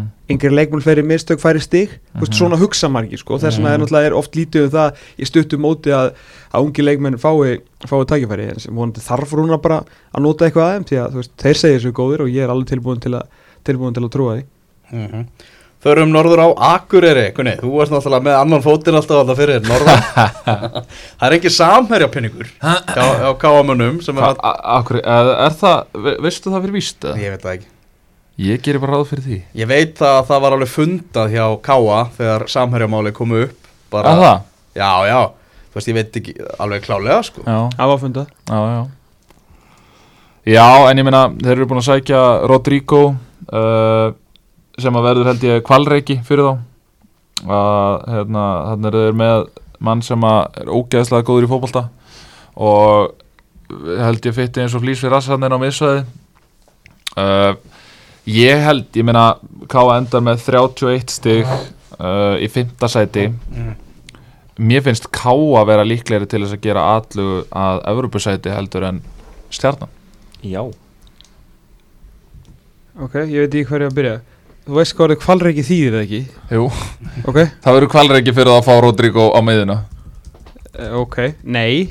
Við by- by- by- byrjum þar. Jú. Góðu leikmaður, hann átti aldrei kvalreki Í- Að mínum að jú. Nei. Eh, Við höfum aldrei fengið að sjá Rodrigo í góðu liði Þannig séð. Jú, jú, grindaði ykkur mjög góður það til ykkur ógeðslega lélegir sko og þá var hann alltaf, þetta er ógeðslega góð leikmaður en þú veist hann er ekki kvalreki fyrir þá. Góðu leikmaður sem passar hann í leikstilin en af hverju eru þið líklegri til núna til að fara að gera eitthvað? Bara út á rótur ég Nei og það er bara verið að breyta til. Ég meina þeir breyttu til í þjálfarateiminu Hatti er komin hann inn og, og Petti með honum. Uh, Þú veist það, það eru þarna yngri strákar sem eru orðnir árinu eldri og þú veist og með hvernig þeir enduðu tímabilið. En Hatti og Haugur eru líka, þú veist, áruna eldri og þú veist, Haugur er ennþá haldur og Hatti er ennþá mittur Ég heyrði samt að Haugur væri í töluvert betra standi heldur en menn, tö, menn töluðum Ef þú ætlar að vera með gunna í liði þessu þá náttúrulega bendur við mynd á Hatti og Haugurvinni vera fitt, Áskil Sigur sem finnir gamla formið og allt er blúsandi gangi og. Rodrigo væri frábæður og alls sem að hann verður pottet sko. En er þetta, er þetta alltaf að að þetta Það voru nú bara nær Já, eða já, niður lengi sko, Þetta endaði bara, veist, þetta endaði vel hjá þeim skilur Ég spáði þeim í hvað, En- 21 Þú varst búin að fella það í júli, sko. Nei, nei, ég var ekki búin að fella það. Ég sagði bara, að ég sagði breyta bara, í ég boltanum. sé ekki hvað veldur, þú veldur um spurningu. Já, já, ég veldur spurningu. Nú ætlar að setja á Európu Já. þetta er flott að breytast Já, ég meina eins og þessi Þú kíkti norður og þú spjallaði hans við þá Og þá bara Já, já, ég- við erum alltaf í góðu sambandi Já, Þú veist, töl- við- til. hákallar hana Þú veist, þeir enda náttúrulega, þú veist, þeir fá íbúða, fá háká uh, og grindavík í þessu, og, fylki í þessu loka turneringu þeirra, þannig að þetta, Mm. lítur hans vel út í þeim, að því sögðu, Mm. miklu betur að enda vel, Tekið það með þér í næsta. Það í- Ekki spurning, sko. ég get alveg tekið undir það að þeir, það, þú veist, þeir hafa fullt í brunns að bera. Mm. þeir eru með sko dundur frontþrjá. Mm. bara frontþrjá sem að getur spilað í kvali í þessum deild sem, sem held í, í sérst ef við tölum þá um Grímsa, Áskir og, og Elvar. Uh, með, með bara frábæra targetsendir sem að skilja alltaf, alltaf sínum mörgum alltaf, ótrúlega auðvelt og gott að spila í kringum hann. Töframann á vinstri sko hérna rakettu og hæri en það er svona kannski svona miðjan fyrir utan Rodri sem ég hef kannski svona smá ágjur af Mætti svona, það þarf kannski aðeins að, að fylla þar inn í svo veit ég ekki alveg með, með varnarleikin hjá þeim sko. En þetta getur uh, farið í, í báðar áttu held ég sko. Ég held að það verði mér svona áhvert að sjá hvernig annan tíðanbæla verður á Óla Stefanin með þetta lið Mm. Veist, Ég er Nei, Ég meina Callum, þú veist, svo veit maður ekki með Steinþór Frey Það er raun og veru leikmaður sem að ég ætla ekki að býða enn eitt tímbil eftir því að hann springi út sko. hann er ekki 19 ára Nei, ekkert springi út, heldur bara, bara komið með eitthvað. eitthvað til borðs hvað er langt sen hann hefur gert það af einhverju viti? Þau utan Var einhverja það glef, ekki- var það ekki á glefsur farsjöðstuðumbili? Hann var nú fýtt þá, eða ekki? Nei, var hann ekki og einstaklega mikið mittur síðan hann kom heim utan það skilur hann kemst ekkert í gang greiði maðurinn sko. Það allir Uh, veitum við hvað hann gerir En ef fáum hann í, í, í, í sama formaður með stjörnunni fyrir tíu árum Já. þá erum við að dansa Það er eitthvað sem við getum ekki En síðan alltaf, þú veist, er aldrei að vita hérna, hvernig þetta samherjamál fer Þú veist, kannski bara fá sér allir hossamarkli vera bara hressir og káa getur ykkur bætt við bara fyrir mótið, sko En svona í, í björnsýnustu spám geta þeir uh, í þessu nýja ár fyrir pæsumagsteldarnar gert allu að Európu, allu að því, sko. Mhm. Ef allt gengur upp, menn haldast heilir þú veist, klára heimalíkirinn sína og, og allt það, sko. Mhm. en, hérna, en þetta getur líka algjörlega bröðið til begge vonu hefum, sko. Ég held að K.A. ég held að eftir að sækja um, eitt, tvo leikminni viðbútt Já, ég held það líka, ég held að þau þurfi bara svolítið að hitta á, sko. Spurning hvort En að það- Maggi lána það er þá spurning Sétildar spámar í viðbútt En það er þá spurning hvar þeir ættu að sækja þá. Hvort þeir ættu að sækja einhver backup í Hafsend eða, eða í varnalínuna hva, hvað er á miðinu þarna núna? Almar. Almar er náttúrulega hana, flottur leikmaður. Já, Uh, Rodri, þeir getur hérna- myndað góða tvo. Þeir voru farin að spila uh, Ég ruggla oft þessum nöfnum saman En Bjarni Aðarsteinsson spilaði þannig til lokin Já. á miðinni Já, Og hann var- Og mér fannst hann mjög flottur og hérna, hann mun hjálpa þeim alveg fullt af klárlega leikmörum þarna, sko. Já, já, En vantar eitt svona, eitt svona svolítið dominant á miðuna uh, kannski skapandi Já, Andi Eh, fann að vera líka fann að spila um Já. sem- sem luta einmitt skapandi sagði, og, hérna, og eitthvað smáði vörðina Mhm. Það er alveg stórt tímabil fyrir Óla Stefán að fara í því að ég veit það alveg að það, þegar kom umræða svona um hvort að hann er áfram með, með káalið í, í sumar að það voru ekki allir fyrir norðan sem voru samstiga í því að, að hann er áfram sko. Nei, ég held að þeir hafi orðið bara hérna fyrir bara ákveðnum vombriðum sko, hann Mhm. alltaf hann kemur til Káa eftir að hafa skilað Grindavík bara nánast í, í fall. Veist, hann er á toppnum eftir sexum fyrir eða fyrsta öðru seti og, og hérna þar síðustu leiti svo fór þetta náttúrulega bara allt í skrúina það voru líka hérna þú veist FH ástæður fyrir því. Þú veist það var bara utanankomandi dæmi sem hann gætt vola lítið gert í og þeir heldur sér hérna heldur sér hann uppi. Og þetta var alls ekki samfærandi og svona hann fór mjög fljótt úr því að vera bráð mánaðar eins og, og bráð ársins í bara menn fóru kannski virki, virkilega að velta því fyrir sér hvort að, að hann var bara sá sem þeir heldur að hann væri þannig að já, þetta er stórt tíðinbili fyrir Óla Stefán Flóvensson en, en svona maður, ég hef ennþá alveg trú á hann sko. ég, Mm. hann er alveg flottu gæi og ég, ég hlakka til að sjá hvort að hann mér, mér lang, ég held með hann Já, já. mér langar virkilega að hann uppi aðeins leikstílin, þú veist, þetta verði aðeins kannski betra, aðeins skemmtilegra og vinni leiki aðeins meira svona reglulega sko. Já, þeir reyndur náttúrulega að fá Janko við hliðina á honum aftur. Það gekk ekki. Uh, Endaði hvað Hallgrími Jónasson og Pétri Heiðari Kristjánsinni Er það ekki bara ágætis lending? Jú, bara mjög fín. Já, Petti náttúrulega þekkir hvert gróku kima í félaginu og, og uh, með það sem maður hefur heyrt af, af stuttum þjálfaraferðli hatta hann fyrir norðana þá er hann að gera mjög flotta hluti. Mm -hmm. og norðamenn alltaf. Norðmenn, það er svo sem er krúsilatriði mm -hmm. Heyrðu þau, förum þá í val. Skrítið að taka val svona seint. Já, vá, já það er, það er eins og það er. Heimir Guðjónsson mættur með túfa við hliðin á sér. Það fannst mér skemmtileg, ég sá það ekki gerast Verða við ekki hana? Það Þetta er rándýrt þjálfaratæmi maður. Já, En það sætta valsmenn sig ekki við neitt annað ef, með að við að vera búin að hafa Óla og Bjössa. En ætlaði bara að vera tveir bara tveir. Ekki þriðja. Þau voru þrýri fyrir það Já, já það er góð Það voru svo mikið að gera hjá Bjössa að hann þurfti eitthvað í keilunar. Óli var bara í stúku. Já, ég meina Nei, þess ég meina þetta er bara downsizing sem ég var að tala um Já, að ég segi- þetta er að taka. Þú veist, þeir eru ekki að fara í Európa þannig að þeir eru að downsiza og Já, þetta já. er bara, þú veist. Hvernig líst ykkur á þetta skref hjá Túfa að bara stiga aftur úr því að vera aðalþjálfari yfir í að vera aðstofþjálfari Mér finnst það bara mjög fínt. Já, Auðmygtina og hausin í það þá er það túfa sko. Þetta er bara one of the goodest guys in football sko. Tveir frábæra þjálfarar sem eru hann að fara að vinna saman og eru þeir ekki líka, þegar maður hugsa út í það er ekki, er ekki þeir að vega hvort annar svakalega upp Jú líka bara þú veist Þegar að Túfa var aðstofþjálfur á sín tíma hjá Káa já, Góður, skilur mm -hmm. Bara góður þjálfari mhm. uh, Kom Káa upp, gerði bara mjög fína hluti uh, Heldur þessu hérna Þú veist, heldur þessu floti hérna í Grindavík Svona eins lengi og það var allan, var allan að hægt. Þannig að við vitum að hann er mjög góður þjálfari En ímyndaði líka, sko frá því að hann var síðast aðstofþjálfuri Hvað hann er búin að læra mikið, fattur hvað hann kemur sem miklu, miklu sterkari aðstofþjálfur inn með Heimi Guðjónssoni heldur þegar hann var síðast aðstofþjálfur þetta er, ég held að þessi algjör dundur sanning fyrir utan bara hvað þetta er flottu gæði sko. Plús að hann er að klára upp á próf. Já, var ég á millisboru vikunni heimsum já, ok. Er ég hóp með Robbie Keane? Já og fleiri geggjum náðum Já. Helviti skemmtilegt. Já.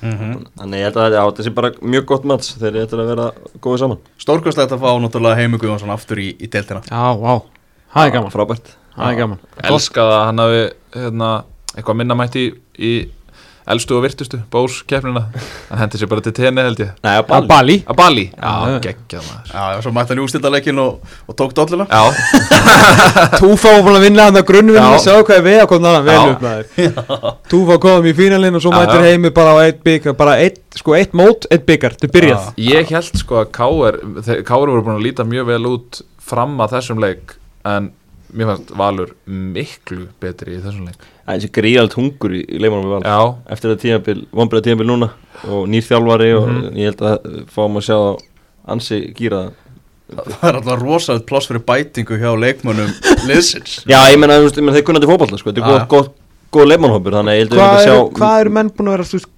segja núna í- bara í viðtölum eftir þetta og þú veist, á svona spil, hvað var í gangi hana? Þú veist, ekki voru það peningavandiræði þú veist, ekki ekki falla svo baku það mm. Uh, ekki voru þú veist, leikmanna auðvitað, ég veit leikmanna velta á Gary Martin, Gary Martin dæmi var í mæ sko, þeir held alveg áfram að tapa leikjum eftir það. Já, já. Þeir fá Patrick Pesen ég aftur meina, er þetta ekki bara einhver svona ríða einhver, ekkert við skortur einhver skortur á hungri sem að er kannski núna komið aftur af því að, að, því að þeir skita bitan náðu aldrei að koma sér, svona restarta sér á miður tímbili Nei, og, og og svona, kannski að leikminn hafi farið í eitthvað svona comfort zone. Sjá, sjá það í, í fréttum að liðið sé að sækja fullt af leikmennum og stakka hópin og, og Var, eitthvað var ekki bara svona rót í klefan Er ekki Jú, að segja það líka? Með jú. svona nýju mönnum Jú. einhvern veginn og... og svo og svo náttúrulega vantar þarna þú veist, ég meina að detta þarna út stórnöfn í klefanum sem að kannski maður áttaði sig kannski ekki alveg á hvað þeir höfðu mikil og góð áhrif á leikmannahópin dæmi bara Guðjón Pytur mm. mm og náttúrulega Rasmus meiðist og, og hann, er, hann er mættur aftur. Já, ef úr láni hjá, hjá fjölunni, hvað er annars búið að gerast í, í komni farnilistanum hjá, hjá Val? uh, þeir fyrir bara að fá Birki Heimisson, unga miðum frá er vera sem var mjög góður á móti er ní, ní, 19 ára stráku Já, uppalinn Þórsari, búin að vera í Hollandi núna í einhver þrjú ár. Já, þetta er engin, engin töskubróða þessi strákur sko. Góður í fótbolta en það er uh, fullt í þessu sko. Þetta er One to watch. Já, mm. spennandi sending sko. Ekki bara að því hann, að því hann er ungur og að því hann er komið heim Hann er alveg, er, þetta er flottu gæði sko. En svo er náttúrulega Maggi Eils, mættu líka. Þú veist ekki sátt um það? Nei, ég er mjög ósatt ef, Hver sko, er Maggi Egils? Nákvæmlega, sko, you? Já, um, það á að vera algjör regla hér í íslensku deildinni að þeirra náður í leikmenn frá færium að þá skulu þeir bera að minnstakosti skóndinnöfn helst ógeðslega fyndin. Og allavega þrjú eða fjögunum já, ekki spurning, þú veist Kai Leo í Ég segi Bartalstofu sko. og hvað allir Minn uppáhalds er, er Daniel á lákunni Daniel og Já, Lækjunni já. Jens Martin Knudsen. Skilur, eitthvað eitthva svona. Það er samt bara nost uh, hvað Já, Já, já, það finnst Jónas Tór Næs. Mm, ávist að segja það nes, mér er alveg sama. Já. hann er bara Jónas Tór Næs fyrir Já. mér. Þannig að, að Spila hann sæ- ekki í Pepsi, ég verið minn Wenzel Steinar Ragnarsson Kampan Já. sem ber, þú veist, lengst af nafni í heimi. Já. Jú, jú. En Maggi Egils eða Magnús Egilsson maður með þetta gríðarlega óspennandi nafn eh, með fullir veringu fyrir enda strákunum hann sem svaraði mér á Twitter sem heitir líka Magnús Egilsson. Þetta er- þetta er fínt íslensk nafn.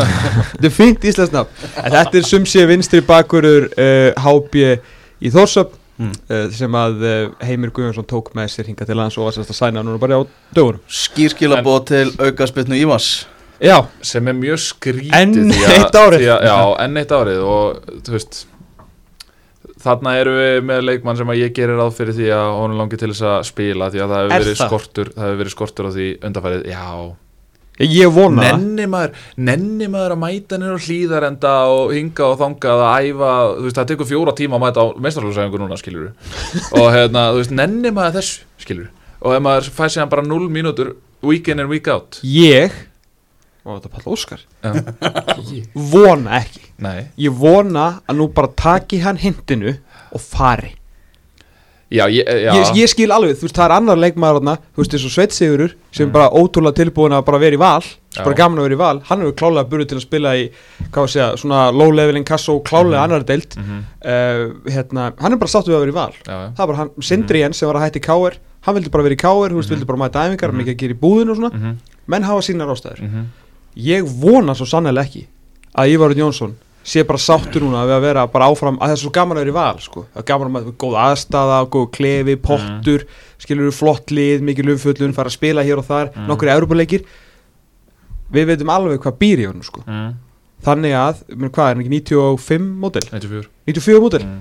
þú veist, ég er ekki að segja hans þetta á en clock is running out sko. Faraðu í eitthvað lið núna fara að spila og syndu Mhm. hvað þú getur En það sem að mér finnst sko skringilegast við þetta er tímasetningin á þessu Tímasetningin á tíma í bæði það Já. að þetta skulle vera að gerast núna og ef þetta var, veist, ef þetta var eitthvað agenda hjá heimi, bara um leið og hann kom að það bara, þú veist, já, ég tek þennan með mér skilur að tilkynna það bara strax í staðin fyrir að Ívar er búin að taka, hvað er búið að byrjusúsinu, einn, þriðji, halvur kannski, eitthvað svo leiðis, Nei, þetta er ekki bara nýkoma á stað.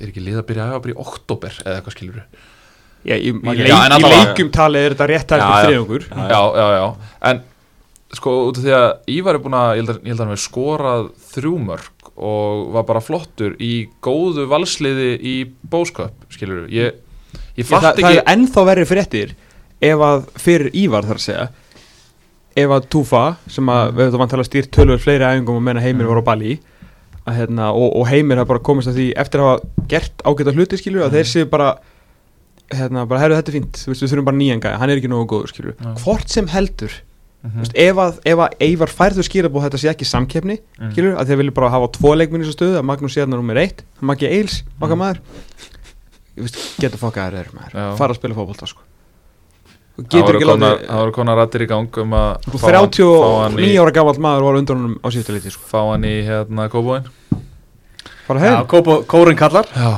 hann er náttúrulega hákaðangur emitt mm. getur þið ekki notað hann í víkinni eða? við erum með Luigi sko. Og Dovra í veitu- sko. En veitu, nei, nú, nei, nú, náttúrulega, nú þú ert búin að vera svona inn og út af þú ert náttúrulega á personunni Luigi Wagner. Ekki spurning. Já, en sem fótboltamaður Luigi Mhm. myndur þú taka hann fram yfir Ívarun? ég, þetta er náttúrulega Ertu meina hvort finnst mér betri Því að sjálfsögur teki Luigi fram yfir það sem hann er uppalinn og yngri. Já, en ekki ég nokkur er að tala um spurning? hvað er betri bara Þú veist, ef þú verður að stilla upp í Ég atriði hef, við skulum orða það þannig að ég hef séð meira frá Ívari. Já, Fattur Ég hef Já. ekki séð reyndar Ívar núna í þrjú ár. Tvö, eða ekki? Er ekki, Tvö val Tvö fyrir ekki, já, Já. ég hef ekki séð hann í tvö ár Hann hérna, en sko Attis Prime í Víkingi hefur Mm. hann gefið bara miklu betri heldur en Logi er allan það sem ég hef séð yngar til Það sem að gleymist líka í þessu er að Ívar getur held ég alveg leist sko miðjumannstöðuna Já. Já, algjörlega, hann spilaði á miðinu fyrir Milos Já. Hann er bara góður í fótbolta Mhm. Hann er ekkit sérstakur að verjast sem er bras þegar þú Mm. ert þá er ég að meina á svona háu level eins og hann er í val Mm. sko. Uh, en, í, en í possession liði okkur góðu liði átt alltaf að geta nota Ívar Örn Jónsson Er eitthvað ábyrgandi veikleik í valsliðinu? Þú við lengi um Ívar Örn Jónsson uh, Fengur Patrik Pedersen á miðju sumri sem að lifti sólhælinum heldur betur upp mm -hmm. og hérna, nei, ekki þannig sko ég veist hérna bara, þú veist, við erum komið marga kosti í vörnina með að var Rasmus aftur inn uh, Verður hellund áfram já, Já. heldur áfram Hvað erum við áfram með fjóra miðuri? Já, ok. Nei, sko, þetta þurfum við að salta. Ok. Hellund á bara að spila á miðin já, ég segi, hann getur já, já. Hann á bara að spila á miðinni Já en þú veist á transformar stendur já, já, sko. já, já. Já. En, en uh, þeir voru farin að testa hann á miðinni Sérstaklega þegar Haukupall var eitthvað að detta út Já, og hann eitthvað spila fullt af miðin Já. sko Og svo er það annað. Svo með Orra, Eidar og Rasmus. Já, svo er það annað að í öllu þessu transition fasa þarf þá ekki valur bara að marka sér svolítið nýja stefnu, nú er Haukaball 32 ára. Uh, þarf ekki bara að koma nýtt blóðin á miðsvæð og þeir að fá tröstið og því að þú veist það alveg spilandi sem djúbu miðmaður hjá val þú veist það alveg að sama hvernig þú stendur þig þá kemur Haukaball í byrjunarliðum leið og hann er klár skilur engum alveg hvernig þú stendur þig skoraði þrennu, þú veist, áttu, þú, þú, veist, þú getur átt tíu löglega stöðvanir stoppað 15 sóknir Hvað er okkur í handbólt? Skiptir, skiptir engum En máli En hver er, hver er hinn, um hvað, um hvað leikmann að tala? Haugpál Nei, Já. hver er, af hverjum er hann að taka stöðuna? Ég meina, ég myndi stilla upp uh, Hellund og Lassi Petri fyrir aftan og Kitta fyrir fram. Já, ok, ok. Ég held að vera að tala um einhver unga valsmenn, þú bara tala um hina leikmenn. ég bara að tala um hina sem Það er punktur í- Það er ekki mikið enga góður það, er, það er punktur í þessu líka Kittin var alltaf nær heilu sísoni Ah. í formi, hann alltaf kom sent inn í fyrra og mjög sent inn í fyrra. Og, og náttúrulega, þú veist, Siggi Lár 22 games sko, Já. ekki gleyma mikilvægi hans. Já. Kom ykkur óvart að, að Valur síndi ekki áhuga að halda Bjarni Ólaði?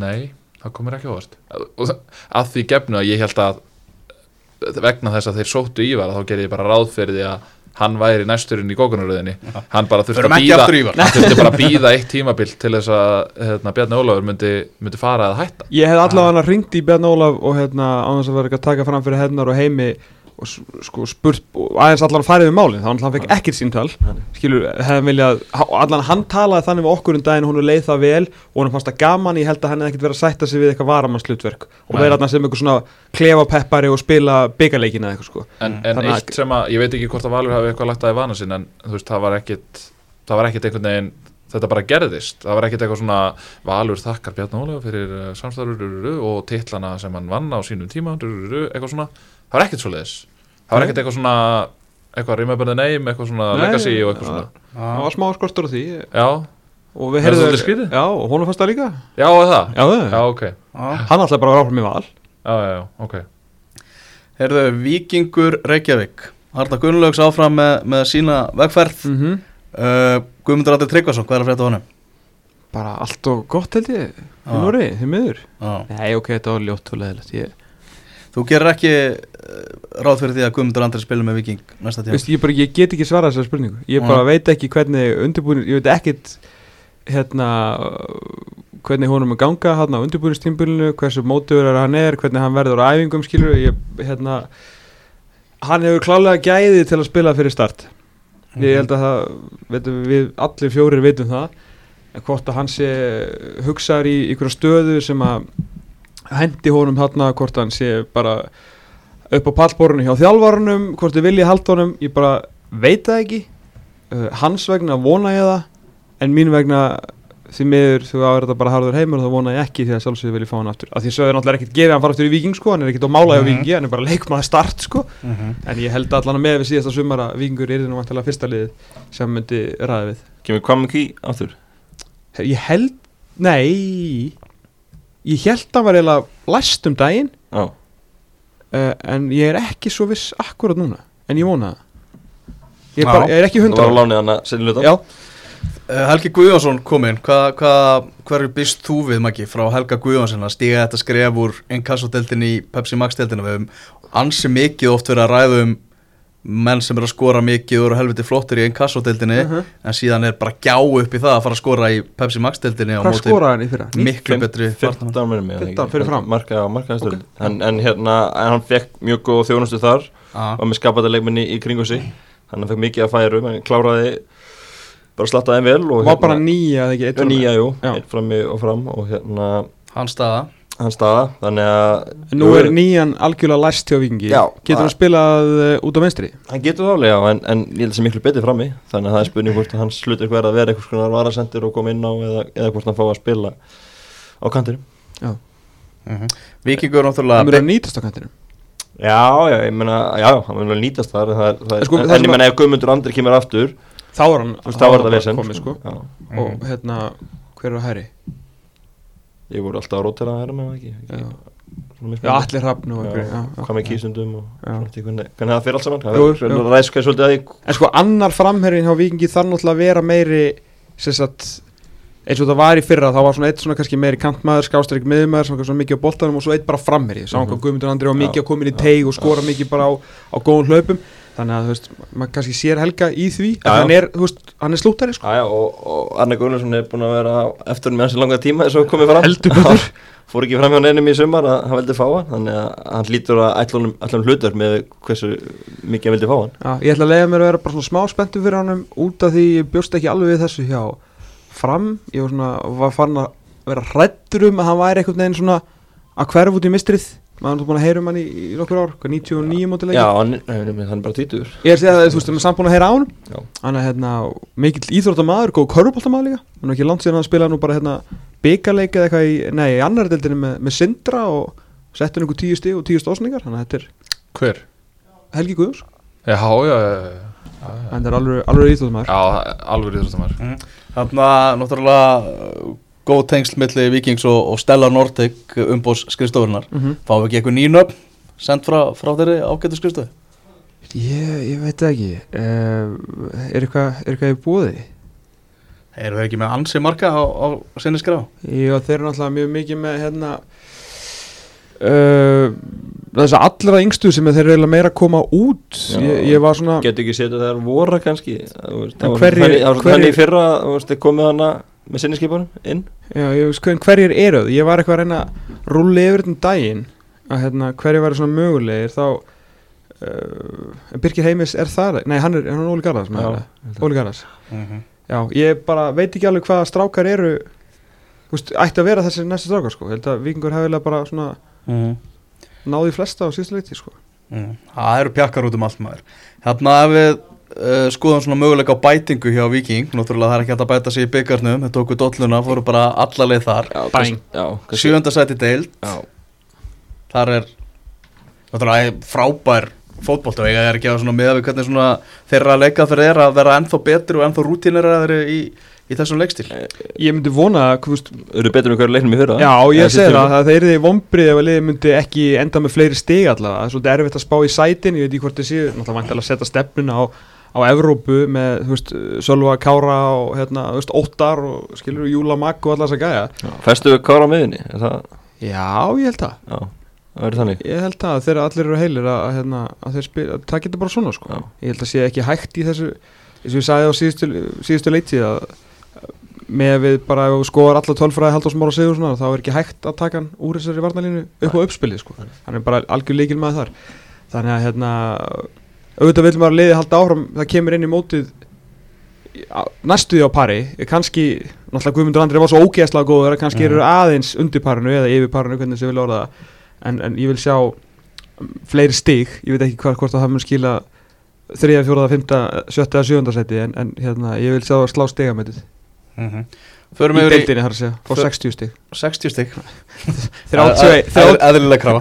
31 er- metið hjá, hjá Vingi, ég vil segja að slá Heyrðu, förum yfir í, í lautina, yfir í árbæðin og, og þar byrjuðu bara að þjálfara málunum þar sem að þeir eru að fara svona eitthvað, bara allt aðra leið allt í hennu núna, eru með Atlasvein og Óla Stík sem aðalþjálfara og Óla Skúla sem aðstofaþjálfara ég held að hann veri einu sem verði í fullu starfi það veri aðstofaþjálfarin í þessu þryggjamanna teimi, þegar þetta teimi var kynnt það var fjölmjöla fjölmjöla fundur hérna í í lautinni, vel mætt þarna stuðningsmenn að mæta líka og góður gýr í, í fólki og allt hannig og ég tók nú þarna viðtal við, við Allasvein og, og hann toppmaður allir en, en hann gaf lítið í þessu viðtali, hann var jafnvel bara eða svolítið ósannfærandi. Við erum að tala um að hann svona talaði alltaf um að það var að spyrja út í eitthvað því að það þarf bara að skoða þessi mál, það þarf að setjast niður og, og hvernig allir þið að bæta liðið, já við hefum bara eftir að fundum það og da da da,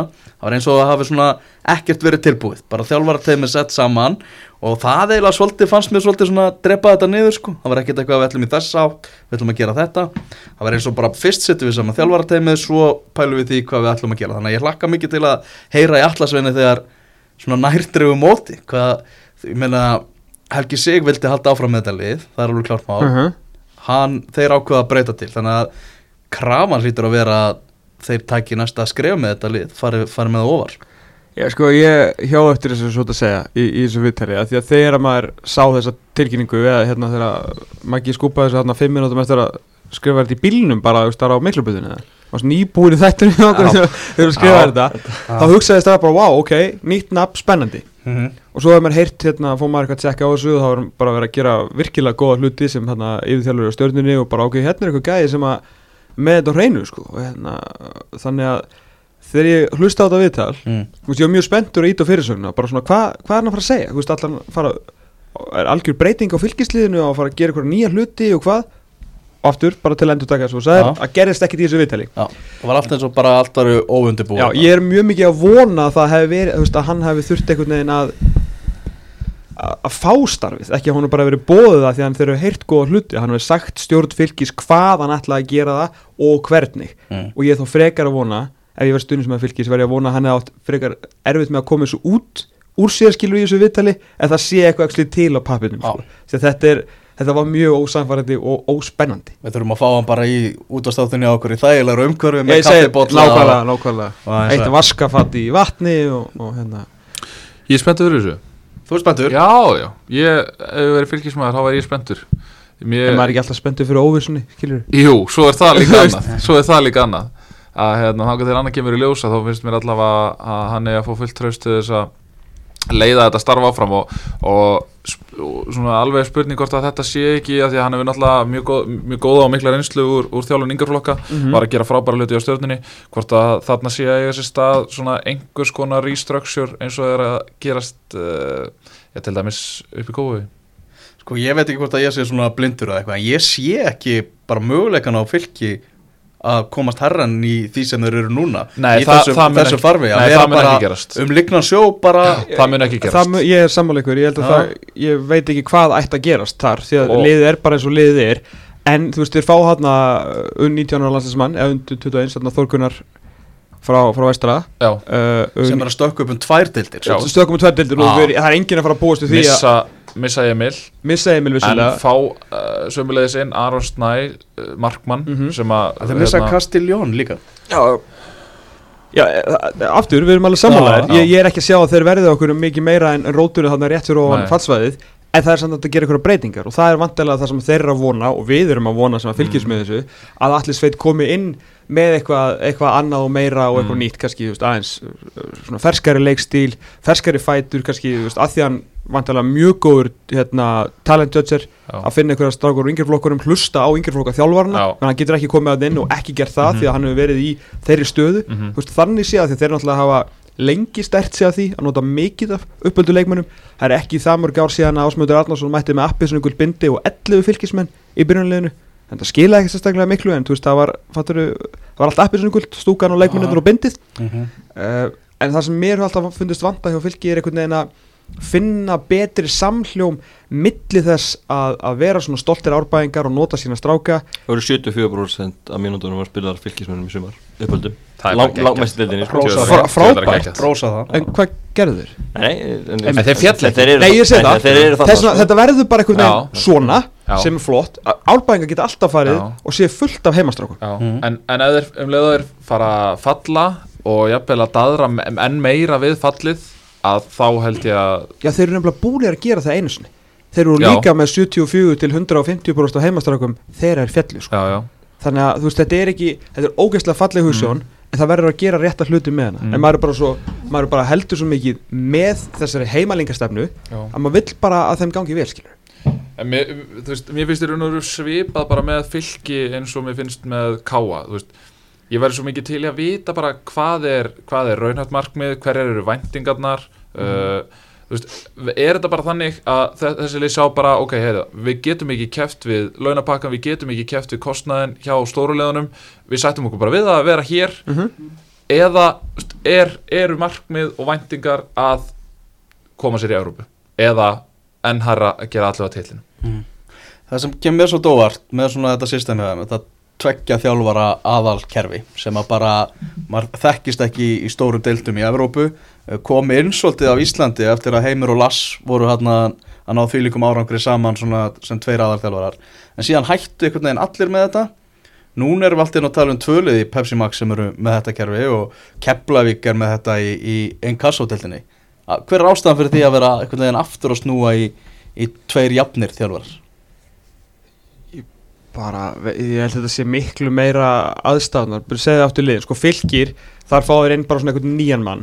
Og þeir, hérna, Óli Stíks er búin að vera lengi í kringum þetta og ég held bara hann hafi ekki viljað að vera aðstóðþjálfari þetta verið meira eitthvað þannig. Já, sama með Keflæk, þú veist, á Sigur Ragnar Eyjólfsson, fyrirvandi fræðslustjóri fyrirvandi, hérna, og, og fyrirvandi landslýstjálfari íslenska landslýstis að vera aðstóðarþjálfari húna, en svo kemur líka það er spurning ekki að fara að gera sko Nei, en mun ekki allir líta sem bara á Eistin Húna sem aðstofþjálfara? Jú, það er kannski líka það sem að Siggi er að gera er að hugsa sko. Fattarðu? Þannig ég held að það sé meira bara hver sko hvert einstakt tilvik fyrir sig sko. ég held að þetta sé ekki til að koma í einhverja tísku ég held að það sé meira bara aðstæðunar allavega í þessum liðum sem eru með þetta núna er fyrir utan, utan sko stjórnun og stjórnuna því að ég skil ekkit hvað er í gangi þar sko. en, en mjög skemmtilegt Já, akkurat. Það er þarna þannig er, er fylgisliðið við skulum fara næst yfir í Skagamenn. Maggi, þú varst að hitta Jóakalla bara í gær. Já, já Miðjan komin inn í, í podcastið þar sem þú varst að ræða svona um málefni Skagamanna.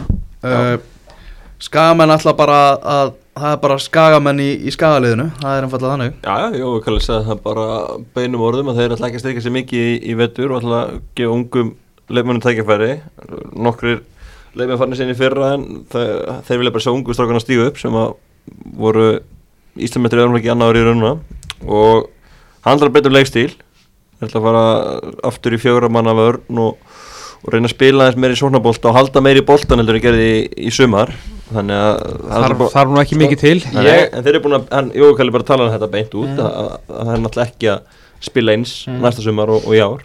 Þannig að það Ég- verður breytinga þar. ég, ég, ég myndist á þetta einhvern tíman í einhverju innkasti á síðustu leiktið að ég heyrði frá Skagamanni að þetta væri partur af og það var náttúrulega ein af ástæðanum fyrir því að Jói Kalli fekk þarna lífstíðarsamning að, að, Móðsamninginn? já, að, hérna, uh, að þetta væri í raun og veru bara byrjun að uppbyggingu á einhverju svona heildar stórveldi aftur á skaganum. Að þeir ætluðu bara að byrja á að fókusera á varnarleikin, það væri bara eitt tímabil sem færi bara í að fókusera á vörn og svona minna pælt í hinu og eitthvað svona og svo myndu þið bara taka þetta svona tröppu fyrir tröppu. Hvort að þetta sé eitthvað liður í því eða hvort að þetta sé breyting út af því að það er búið að vera kritisera í það svona mikið og þetta sé eitthvað svona verið að hlaupa upp til hand og fóta og breyta leikstíl og eitthvað svona eða hvort að þetta hafi bara alltaf verið planið veit ég ekki en eins og ég segi þetta er eitthvað sem ég heyrði og veist, ef að það er þannig og ef það er bara að taka þetta skref fyrir skref og ef þið verða Íslandsmeistar eftir fjögur ár þá, veist, þá bara verð ég fyrsti maðurinn til þess að lifta upp höndum og, og bara segja sorry við Jóakalla sko. en ég held bara að það gerist ekki þegar fyrir mér þá vantar töluvert meira í þetta skagalið heldur en bara það að einhver breyting á leikstíla eitthvað þeir eru bara ekki með fyrir mér er þeir ekki með nægilega gott lið til þess að þú veist, e, þeir verða í fallbaráttu á næsta ári eins og staðan að, að öllu óbreyttu. Þeir falla ekki, en þeir verði í fallbaráttu. Þeir byrja ekki aftur svona stert sko. Nei, sko, hérna uh,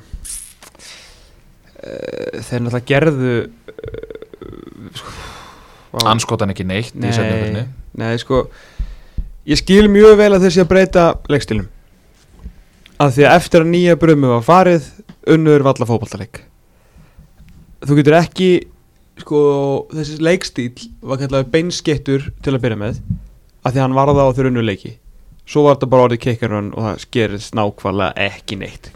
Þú getur ekki búið upp á það að spila svona fótbolta þar sem að liðið er minnst með boltan í dildinni með fæstu snertingarnar 1,2 sekunda sko, hver sók sem að skila marki sem að þýðir að þeir bara negla eða 2,1 eða eitthvað. Mhm. þeir eru langnæðstir í öllum tölfræði þáttum sem að endur spekla skemmtilega fótbolta. Og lang efstir í flestum tölfræði þáttum sem endur spekla það sem að heitir á almennu fótboltamáli leðilega fótbolta. Mhm. það getur engin kvartað alveg eins og munum með stók skilur, leðilegsti fótbolti sem við séð á meðan að þú ert að skila liðinu í veist, top 10 finnis í ennsku úrvarslutinni sem myndi kannski translita í, í, í Pepsi að vera í, í, to- í top 6 Mhm. Ok. en þú getur ekki spila svona fótbolta og ekki unni leiki Mhm. það hlýtur að vera eina ástæð fyrir því að þeir eru að fara að breyta þessu sko. að þeir vinna ekki leiki og hvernig ætlað þú að trakta leikmenn vissulega eins og maður ekki allir þeir að vinna mikið á sínum önum en þeir hafa samt verið að fá unga leikmenn þeir verið að fá leikmenn til sín skilja enda eh, eru þeir og hafa þeir kannski verið eina liðin sem hefur átt ykkur pening á milli handana af því að þeir eru jú góður að alveg leikmenn og með- gerðu góða sölur þannig að veist umræðan er svo sterk líka og svo mikið í Íslandi að þú veist, viltu vera, vera miðjumæður og fara í ía, hvað, hvað það var að gera? Já, nokkulega Mm. Tækla og horfa sinni upp í loftið? Já, það er þetta er ekkert gaman. Já, já. og hvað, þetta er ekkert gaman fyrir skaga menn þetta var ógeðslega gaman í fyrstu fimmumfyrirnar hvernig var svo að fara að leiki í svona 17. fugglaskoðari að vera á miðin En Þetta er alveg rétt, segir til að vera attrakti Já. fyrir unga leikmenn til að koma í það, það þarf að breyta þessu. Já, en ég er ekki að segja, þeir þurfa ekki að fara í breyðablík viking að spila frá markteik. Ég meina gleymu því ekki að hérna, Luis Ríke breyti sko fótboltanum á Barcelona og hann fór bara að sparka langt. Já. en hann sparkaði bara boltanum á bestu kallan í liðinu sko, sem voru hann fremst. Þeir gætu þetta samt. Þeir gætu, þeir gætu farið í svona fótbolt því að þeir eru til dæmis með markmann sem er rosalega sparkviss og sparklangur. Þannig að þegar það þarf að setja langa þegar það þarf að vippa honum út á kantana eða eitthvað svona að þá eru þeir með flotta markmann í það. Uh, heldur betur. þeir eru með varnalinu sem getur alveg spilað.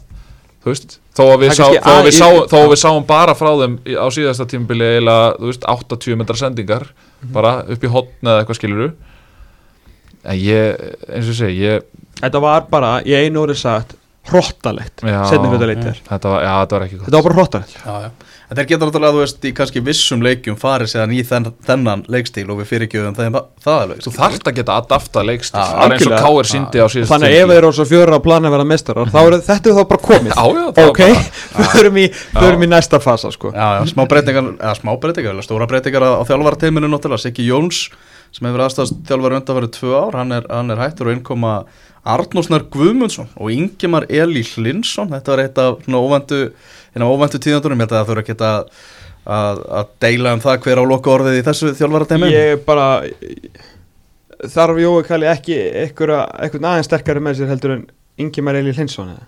Eitthvað til að hrista hans í meir í búrunu. Já, Já, skrítið, líka Arnór Snær að leggja skona á hilluna. Já, það- hann hefur verið styrta þjálfur ekki? Er þið saman aðstof Saman aðstoð. Já, og saman Arnórs aðstoð. eru styrta þjálfur Uh, Ég veit ekki, þannig er hann alltaf komið með kannski tengingu við hópin Hann er komið með er ekki rétt með hvor Arnór er mósvellingur og Ingimar er ekki á norðan Já. þannig að það er ekki eins og þetta þetta er ekki eins og hjá Káa að þú ert að fá hann fyrir, veist, þetta er ekki einhverju skagamenn þrú en þrú sko. En rosalega Eli, er nú alveg svona Hann er nú alveg korter í sko. Hann er náttúrulega með hérna, Skagan þá, Ha? kortir í skagamann Já, já, já hann, og, og hann er hérna Hann er náttúrulega hérna Barnsmóður hans og, og sambíliskona er náttúrulega dóttir Dotta Guðjóns Já, ég er ekki að segja þessi ekki með skaga tengingar en þetta er ekki ég alveg er að segja, svo að skilur- fá bara eitthvað nei, nei, nei, þetta er það ekki Þetta er alveg næsti bær við myndi ég segja Ok. Ég er alveg, ég er svona alveg temmilega spenntur fyrir þessu Mm.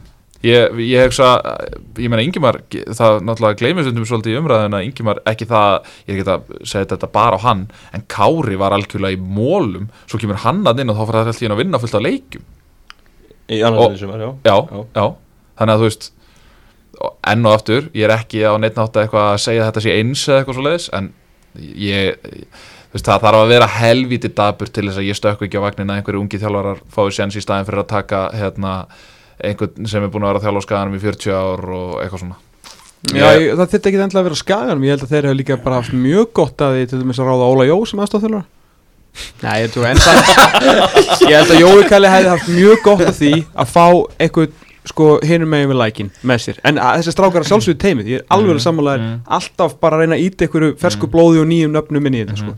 svo fá þeir bara að senda í djúbulöginu og aðtöfum hvað gerir sko. Það er erfitt að sjá skagamenn í öðru heldur en neðri hlutunum á næsta tímabili. Já, neðstu þreymur. Neðstu þremur. Mm. Það er þannig. Herru, ég hérna, tók þetta ekki alveg rétt Nei, ég var einmitt að Þeir stökk yfir, yfir vinnu mína og, og nágranna í Kópáinum í Kvortnum, þar sem að hákáingar eru og þar eru, hver eru komnir í háká, Tófals? uh, Það er uh, fyrirhandi landslismarkurður Tyrklands Engin. Já, hann er mættur. Það er hérna second season syndrome og allt er, þetta getur orðið mikið bras þetta tímabil hjá háká ég, Þetta gæti verið rosalett second season ah. syndrom verður að, segja sko. Að því sögðu þá hef ég alveg uh, ég er miklu að trúa þessu þjálfartemi Já, til að hérna til að svona koma í veg fyrir það og hvað svo sem hvað er enduður á, á endanum? Endur nýjunda nýju stígin voru, voru með það? Æ, ég er með Það er ekki að standa ykkur 27 stíg Það er nokkur stuðu meira en maður byggust Við fyrir tímabilið. erum að Henduðum öllin, allir niður fyrir tímabilið Þeir svöruðu því. Já, það verður ekki neitt tekið að þessu gerða, að gerða þessari leitið sko. uh, Þeir eru uh, búin að missa alltaf Björn Berg. Og hann kemur vantar ekki aftur það? Fer að bara ekki í stjórnulið Jú, ég, ég myndi allan, að- allan að nota þar fyrir svolítið eftir hvernig, hvernig er alltaf að spila. Uh, Það er ekki, þú veist, fyrir utan það enginn sem þeir muni eitthvað sakna. Jú, kannski Emil Allarsson með hvernig hann var farin að aðeins farin að skora hana Í eitthvað, eitthvað aðeins. Þetta, þeir, menn þurfa bara einhvern veginn að brettu bermar og, og berja sko, ég held að þetta verði engin einhver svakalega breyting, þeir voru heldur í einhverjum, einhverjum loftfimleikum þegar að koma einhverju skemmtanagildi oft í fótboltanum, þeir gerðu bara svolítið það sem að til þurfti og þetta verður svolítið eins geta, geta spila mjög fína fótbolta þegar þeir þurfa þess, en voru svona í heldina bara þéttir, skipulaðir góða vörð, dundur markmann sem átti frábært tíumbil mm -hmm. uh, en að samanskapi kom inn hérna með náttúrulega Valla Vallitla og var Binni Bolti kom í júli og Binni Bolti, voru gaman að sjá hann í innanúrsfótbolta skilur yfir heilt tíumbil hann getur klálega styrt og mjög klálega styrkja sóknulega gera svona til lengri tíma. Þannig að ég held að við þurfum bara svona það sem að þeir þurfa bara að komast í gegnum er annars tímabils helkennið sko annars er ekki Ah. mikið meir um, um HK að segja sko Lítum við bytta á markaðunum og, og, og það er kannski erfitt fyrir háká og verður snúið fyrir þá að finna, finna menn Já, þeir þurfa að leita erlendis. Það er alltaf margir um hítuna, sko. Nei, Nei, þeir- þeir verða verða- Mörg ár hafa þeir bara verið alveg. Eru þeir ekki bara söldu slagir að býða eftir að hérna, laufin falla af trjánum í topnum að reyna að landa einhverju svona er að það er bara Guðmundur Það Hann bara er svo, laus. það eru bara Já, svo, já, mörg, það væri það eru bara svo flottur. mörg lið í þeim pakka sko. Og, og En við sáum að þeir eru greinlega, þú veist, þeir eru búin að vera með mjög flottan rekstur. Það er til peningur þarna, þú veist, það er til, verðist vera til lausafé.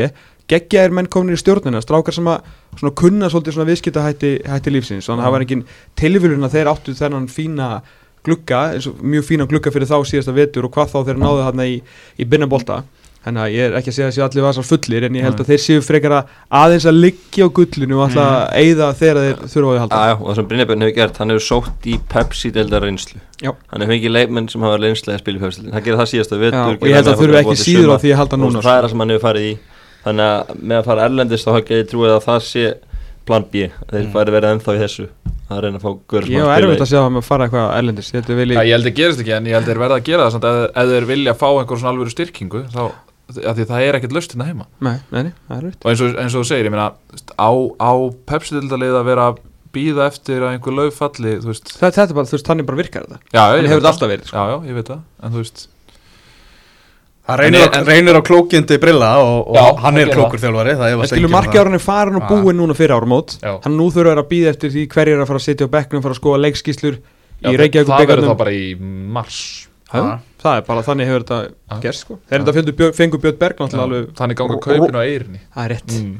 Það þeir eru að fá okkur að menn náttúrulega sem að voru á meðslalistanum líka, ok, til, tilbaka Sko, Já, Gummi, Gummi Júl náttúrulega var gríðarlega mikilvægur í örninni hann þegar þeir fóru upp úr innkastlutinni Já. og var í lið ársins í innkast og hann, hann tekur þessa stöðu bara af Tekur bara sína stöðu aftur. Já, já, hver og- staðan að hafa brím og hann fyrir brím líka. Já. Heyrðu Hafið Brím bara spilaði æfingarleika mútið leikni á dögunum. Þannig að hann var komin í hópin móts í, í, í Já. þeir eru fá tvo menn inn þar. Já, Það eru tvo, En tvo hjörtu inn í það. Já, en, en alltaf stæ, kannski stærsta skarið sem þeir þurfa að fylla er alltaf Björn Berg Bríði Gerða það með gumma og Hafið Já, en ég meina hann er samt ekki búin að spila fótbolta í ár sko. Nei, nei, en og Björn Berg Bríði var frábær. Já, við fáum þá aftur á móti núna Sex mánuði yfirbútt Já, já, en Gummi Júl Vissulega. uh, mikið hjarti í þessu lið Já, já. Já. já, já, lætur mikið í sér heyra og já. senda kosta það að vera í bann í fyrsta leiki í sömar fengur rauttan í liðstjórn í síðasta Það leika er rétt á það já, Það er já. var vesen Já, En eru, eh, ég meina, þú veist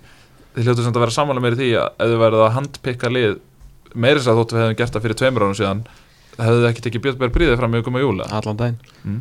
Ég veit ekki hvort að hákáingar hafa gert það Nei. er náttúrulega elskan En við sem séum. Pepsi Max deildina Já, Og sérstaklega þegar Björn Berg bríði í liðin sem verjast mhm, Já takk Mhm, á mhm. diskin minn mhm allt algjörlega Erum förum í aðna nýliðana Förum í, í gróttu sem eru náttúrulega Er falla og hver eru hinni?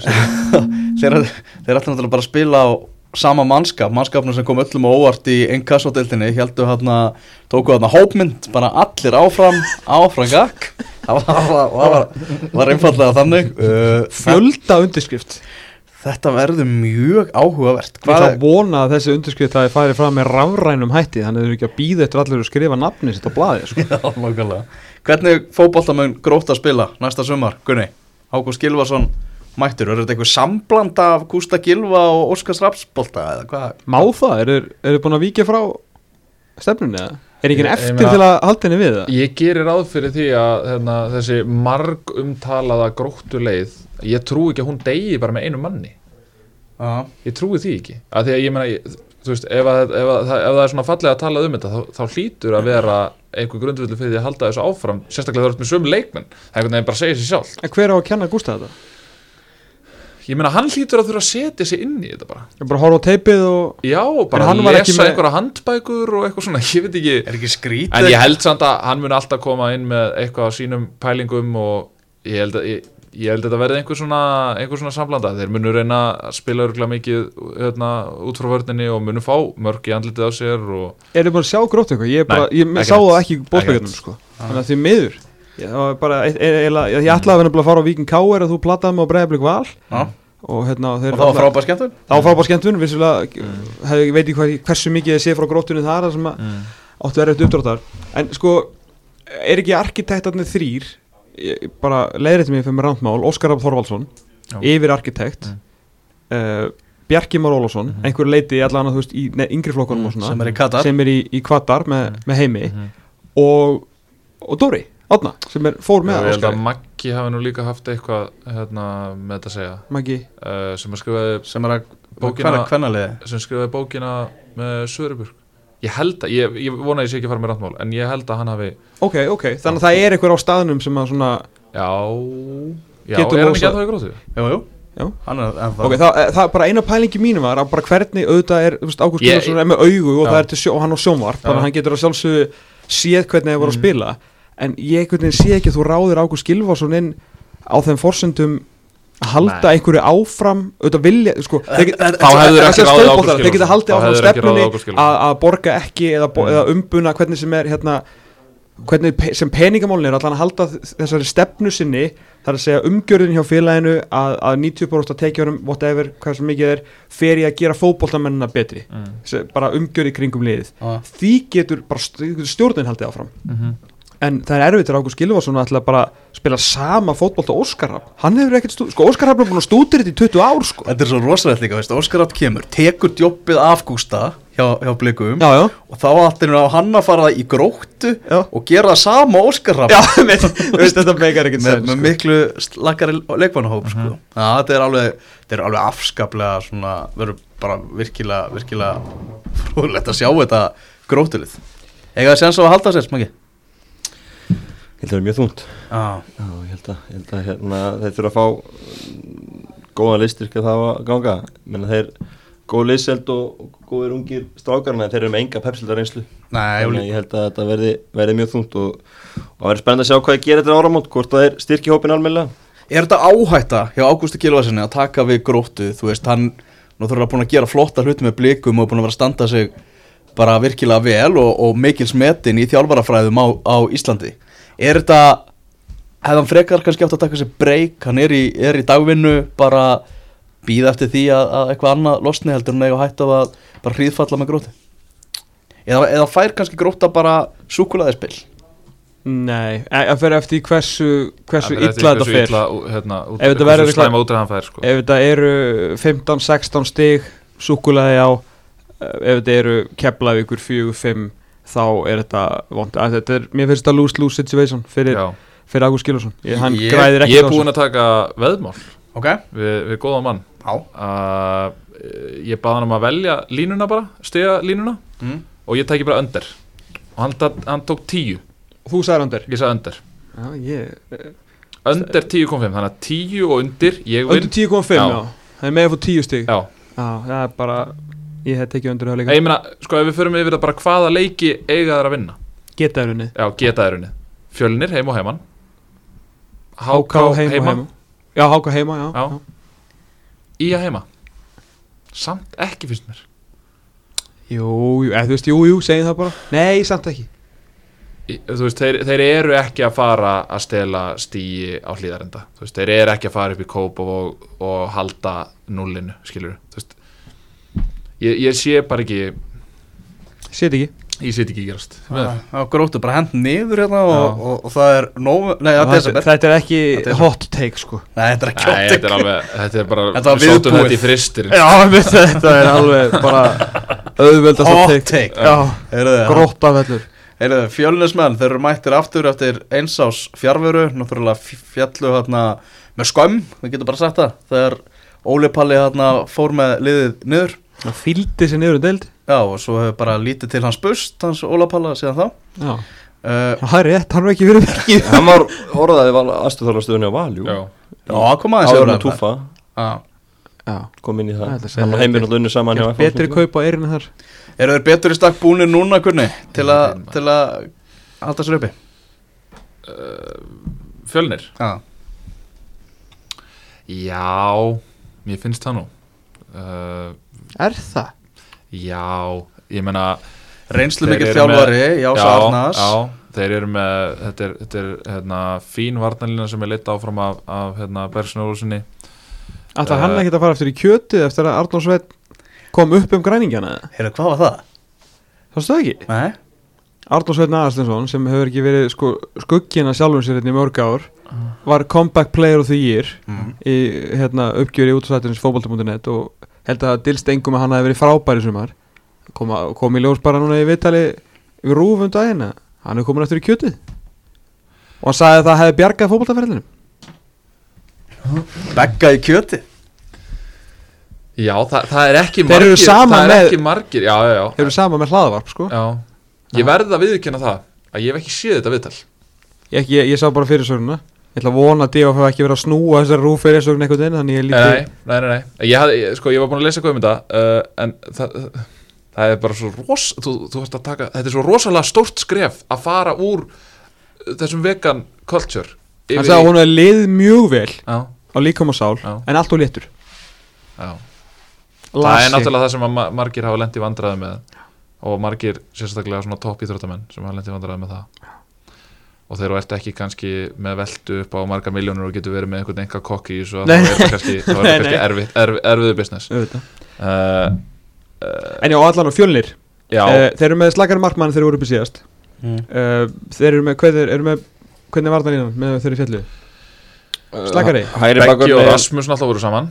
Já, nú verður þetta Tóri Tímotöski Já. vingar Rasmus. Mm. Vinstra það þarf ekkert endilega að vera eitthvað að vera Hann, Hans Viktor var náttúrulega komin á miðjuna. Já, Já, sko varnarlega verða þeir held ég alveg fínir, þeir verða Já. fjett tilbaka já, mm. og þú veist það verður auðvitað að brota á baka aftur. Mm. ok, hausökurinn er eins og að framávið ok.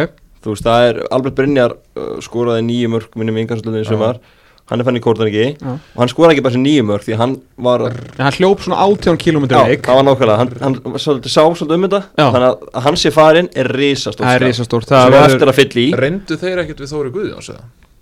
Ekki, heyrta þið, veit ég hvernig það var. En, Ok. en Albert allavega veist, tók ríkalega mikið til sín, skapaði mikið lagði upp, skoraði, þannig að þið þurfa að replacea hann og bæta í líka. Hver er markaskóri í fjölinnsleysins? akkur núna eru þeir bara fá að menn fram með Jóngilsi Strömerðana, Ingeborg Kort uh, Jóhann Átni hann spila á kantinum í suma Já, Jóhann nú leit verður einn af breakout player þessu sísón Það er alveg, klart mál. en ég held að þeir þurfi að bæta við fram og það sé svona það sem að Það er rosalega lítið af Pepsi Max mörgum í þessu lið já, það er það sem er og, og bara að missa Albert var algjör skellur Já, fyrir utan bara reynslunum sem hann hefur verið í eftir deild sko. Það er ekki eins og hann hefur verið einhver markavél í eftir deild Nei. En hann hefur skorað jæmt og þétt og gefið liðinu svo ógeðslega mikið með hlaupum. Svo, heyrir maður það Og eins og, eins og hjá mörgum fjölugur að, að fjölunismenn er ekkert að synda í peningum. Þeir þurfa að sína, sína klókjandi þannig að það verður alveg erfitt fyrir það að finna þessa nýju sem, það, sem við verðum að tala um sko. En klókindin til dæmis Ég ætla að gefa þeim nokkur klókstig Það var það sem er svona strákur sem hefði getað farið í, í betri liðin fjölni. Mér finnst það flott hjá þeim að, að ná í hann mm.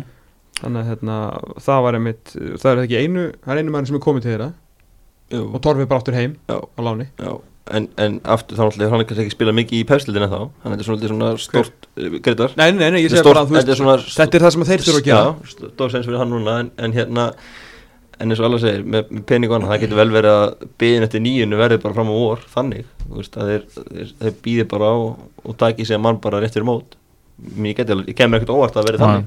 Já, getur vel gæst Mm Þannig er þetta að við erum búin að fara yfir öll tóliðin Misti ég náttúrulega nokkuð af ykkur við það Nei, þau eru Var næsti- 12 Þau eru 12 eða þá? Ég var næsti rugglaðast á einu stað, það er verið fyrirgefið. Já, býðum aðeins með háka. Hákaðum aðeins að halda spennunum. Við veitum að margir hákaðungar að hlusta og við viljum halda þeim lengur. Mikið hlustun í korukörunum Já, gríðarlega hlustun. Uh, Sérstaklega á ákveðna hluti af því sem við segjum. Já, Sérstaklega veistlu salina og svona. Já Hvar áhörendur fela sig? Það eru, það eru eiru í, í kórnum. Við ætlum að kannski endum þetta á, á inkasso hotninu Maggi, þú ert stick free Þannig að Akkur ég fyrir kaffi, svo. Nei, við ætlum að hafa En í alvörunni bara fór. Já, við ætlum að hafa þetta nú bara nokkuð stutt. Hverju fara upp með IBVF í næ, næsta, næsta sumar? Þetta er þá- þetta er þarna bara. Já, uh, um, Reyðasmættur held í að Grindavík Ég held að Grindavík verði alveg klálega líklegir og svona eitt af, eitt af betri liðunum Mhm. uh, Ég Ég- nefnilega veit ekki sko- með rest sko. sko- Ég hef smásvægi fyrir, uh, fyrir fram Já, Já. fram er að gera fína hluti Framar að gera mjög áhugaverða hluti í hérna Ég er hitti Valdi Björnundaginn til hamingju Já, og ég, Ég sá allt í bötundaginn já, ég, ég sagði að hvað er verið að hérna, blási ykkur að herlúðra þarna í, í, í safamirinu núna mm. Það er allavega ekki blokkflutur þar Sagði okkar maður. Þú var að koma með eitt valtara hérna. Þessi var enda með betri sem hefur á valtarann en lengi sko. Já, Herre, Sko, uh, Svo eh, er reyndar alveg spenntur fyrir Það fer svolítið því hvað leiknin er að halda af mannskap. Mm, Þegar nú búin að missa eitthvað en, Ég er ekki að sjá leikni því miður aftur í 40 stíðunum sko. Nei, Þetta var svo Ekki en leiðindi, Tómas en að samaskapi Nei, með 39, það er fínt. Já. Já, það er svona Það er fullt af stigum líka. sko. og Jón Páll uh, kom inn hjá Viking Go er spurning hvað hann fær af uh, budgeti og hvernig hann er að reyða því fram í Ég held að það verði líka bara ákveði kultúrsjokk fyrir, sko, bæði fyrir hann að koma þangað mm, og ég veit að hann er þjálfað, hérna, lið sem eru ekki, gilur eitthvað höfuborgarsvæðin og eitthvað þannig og náttúrulega var ekki eins og hann hafi verið í Stórborg hann í Stort, sko, nei, en ég meina að það verður ákveðið bara kultúrsjokk fyrir hann að stíga inn í heim Eyjúps Púrisevits og alveg eins og síðast verður bara kultúrsjokk fyrir uh, sko Ólafsvík að missa Eyjúp síðasti maður sem að leist hann af hann vann fyrstu tvo leikina, fekk viðtali út á settinu fótbolti.net og vann síðan ekki leik og var sér reikin Mhm. þannig að ég er svona, ég held að það getur tekið aðeins lengri tíma. Ég er ekki alveg að svo leikni eftir í 40 stegum uh, Þór er svona heh, skilur, ég þetta er alveg opið. Þetta er mjög opið annarsæti og ef að ég er svona vona framvegna að, hérna, að Instagram fæslan hann hjá Tiago, ég veit ekki hvort ég komin aftur í lið. Þetta er ekki Tiago, hann er geggjaði miðmaðurinn Mhm, basically besti maðurinn í þessu liði. Mhm, hann setti eitthvað Instagram að vera hættur. Mhm. Og hérna, ef, er, ef hann er ekki farin eitthvað annað þá hérna ef hann getur komið inn aftur, því að hann er frábær og hann gæði sem gera alla gæði kringu sér betur sko. bara einn vannmennist að leima dildarna sko. Það er að að segja mér að það sé komin í val eða eitthvað Nei, það er ekkert að í því. Já, Tiago og Fred náttúrulega voru beint í tölvuna, Mm. fact-checka þetta eitthvað Ég ruggla alltaf Tiago og Fred saman er- Tiago er miklu betri sko Já, já miklu betri Ha, Þannig er það, en, en hann er farin samt fráfram náttúrulega hann er farinn en ég veit ekki hvort hann sé Já. í öðru fótballtaliði sko. Þetta var meira bara svona hann setti þetta á Instagram þetta var augljóslega bara auglýsing sko. Hann vil greinlega spila í, í Pepsi Max. Mhm. mm. Býðum að sjá hann hvað verður því. Ok, alltaf að henda fram upp með IBF Tómas? Ég get ekki, það er bara fer gegn öllu því sem eitthvað sem ég trúi. Þetta félagi er búið að vera miklu mólum þeir eru í sáða mér náttúrulega ekki? Jú, jú, það er bara þeirra heimavöldur fari ekki fyrir hann Hvað, 2021 held ég. Af hverju voru, sáðu þið myndirnar á hérna nýja framhús og framsvæðin í frétturum um daginn? Þegar að vera sest, staðfist að þeirra að fara að fá þú veist völl með stúku sem er bara eins og á hlýðarenda, þú veist stúkan er först við íþjórtasalun og Ég svona sé myndir af þessu en ég hef ekki séð, séð það í fréttunum. En þú sé myndir af þessu? Já, og hérna, og sástu myndina inn í handbóltasalinn nei. Þú veist, af svona mock-up leik sem virtist að vera melli haug og gróttu en ekki fram, sem þetta er mjög bara að leia salin og leiðasalinn herru, þetta var, salurinn var eins og svona í gömlu Júkoslavi 85 já, og svona mjög ekki eftir brúna parketunum sem var alltaf þegar við vorum að spila upp Mhm. leiðin, þetta var þannig. Ég meina farðu bara í hvaða barnaskóla sem er út á landi sem er með sal. já, já. Og þá ertu bara með þennan Þú veist Ég er gaman að- Nostalgíu hönnun. Já, En það er eitthvað við þetta, þú veist, fram er búið að fá nokkra góða fótboltakalla. Hendur bara fram upp. Það get, get, getur maður sagt þetta upp á þetta framfæri upp um deil Það er desember, svo dreifur þetta tilbaka bara eftir áramót. Þetta ég er ætla að segja brótíðandarspá Grind- ég ætla að segja grindaði bara. Já, ég er erfitt að horfa fram með greitaði líka Já. Með bjösa Ég held samt einhvern veginn ég, ég, og ég held og vonaðist til þess að Jósef færi heim. Og þá hefði þetta náttúrulega ekki verið kannski mikil spurning. Nei, já, við heldum það þetta líka. Já. Það er allir náttúrulega að fara að spá leikni fáskursfyrði beint niður aftur þegar náttúrulega spáð falli í inkassotættir á síðasta tímafili Nei, annar fóru upp, sko. og fóru upp síðan. Brynja Skúlason náttúrulega búin að gera magnaða hluti. Mm. Þannig að, já, þetta var, þetta var bara inkassohotnið, við bara segjum þetta. Hverju fara þá niður með þeim? Uh, Það er aðeins opnar að seti Viltu senda ykkur að niður með þeim? Ég sé það ekki byrjun Alltaf afturöldin komið svo geggjaðan þjálfara. Á uh, Já, Mag- sendi þá ekki niður Nei, Magni fellur aldrei mm. Það gæti verið reyndar í ár sko Þetta þriðja tímambils helkinni Það getur verið erfitt í inkasso sko Mm. Mér finnst ekki lið eitthvað neginn hérna, Mér finnst ekki lið öskra á, á fall Nei. Það er nefnilega þannig sko. Sko Og ekki lið öskra á annarsettið Nefna kannski ekki Við erum- við erum ekki fara að senda Samma og, og félagi vestra niður Nei, þeir eru líka alltaf, geta alltaf bara labba inn til Arnarlags og fengi meiri pening að það vantar eitthvað sko Skilur Það er einfalt og gott hjá Það er- það eru deyri sjóðir. Er, er, er, Eru þið það dyrir núna? Ég er bara ákveðið það skilur Ok. Svo getur bara sami sett á Twitter að sé ekki er Ég held að hann sé bara í, sama eða svona basli og hjakki og, og mörgunur félög sko. Maður hefur ekki annað hvað sem mikið peningur í þessum hérna, akkur ég alltaf peppa þessi sjókvíeldi út um allt ef það er svona ekki peningur í þessu? Nókvæðlega ég er búin að, veistu hvað, ég búin að reyta marga lags við stanguðið menn til reyði Við erum báðir lóttulega miklir eldislagsmenn. Heldur betur, þess vegna var nú gaman að koma til færi og sjá hann að kví í hverju höfn. Já, það var virkilega sérstaklega sjókvíeldi sko. Já, það er þannig. Það eru mikil tækifæri í þessu hefur ég hert Ég ég sé að þú er staðinu Það er greinlega annarsamu dagur framöndan hefða Hvað ert að fara að gera í dag? uh, Konan er 30 og Nú til að muna það. er, ég er 25 Að vera 26 vel gert. Mhm. Ná, sér ég aðeins meira Já, kannski hjá meira Hérna- svona skila til hennar vel gert. Herðu, hérna Í Svo alveg- náttúrulega, ég er náttúrulega, sko það er setni partur dags hjá mér. Ég er náttúrulega reis, reis á lappur klón fjögur til þess að lýsa háum hvenna í handbólta Já, Og hérna, þannig að ég er að fara að taka að fá ég er stóru taka verkefni kvöldmatinn bara eftir, alveg. eftir smá og svona. Hvernig allar þá að vakna í nótt? Þrjú, eftir það Já, þetta verður eitthvað svo leiðis Ég er bara búin að snúa svo lengi Þetta er tvo, tvo mótni röð, sko En fegstu leik sem var þessi virði að vakna svona snemma? Í gæðir, já, ekki í dag. Nei, já, já. Það, það kemur leikur eftir þennan. Það kom alltaf fleiri og fleiri kappleikir. Það, það vitum við. Það vantar nú ekki, sko. þess vegna erum við til íþróttafréttir. Heldur betur. Hefur við hóum teimið saman einhvern mann aftur eftir áramót. Takk fyrir að hlusta. Verið þið sæl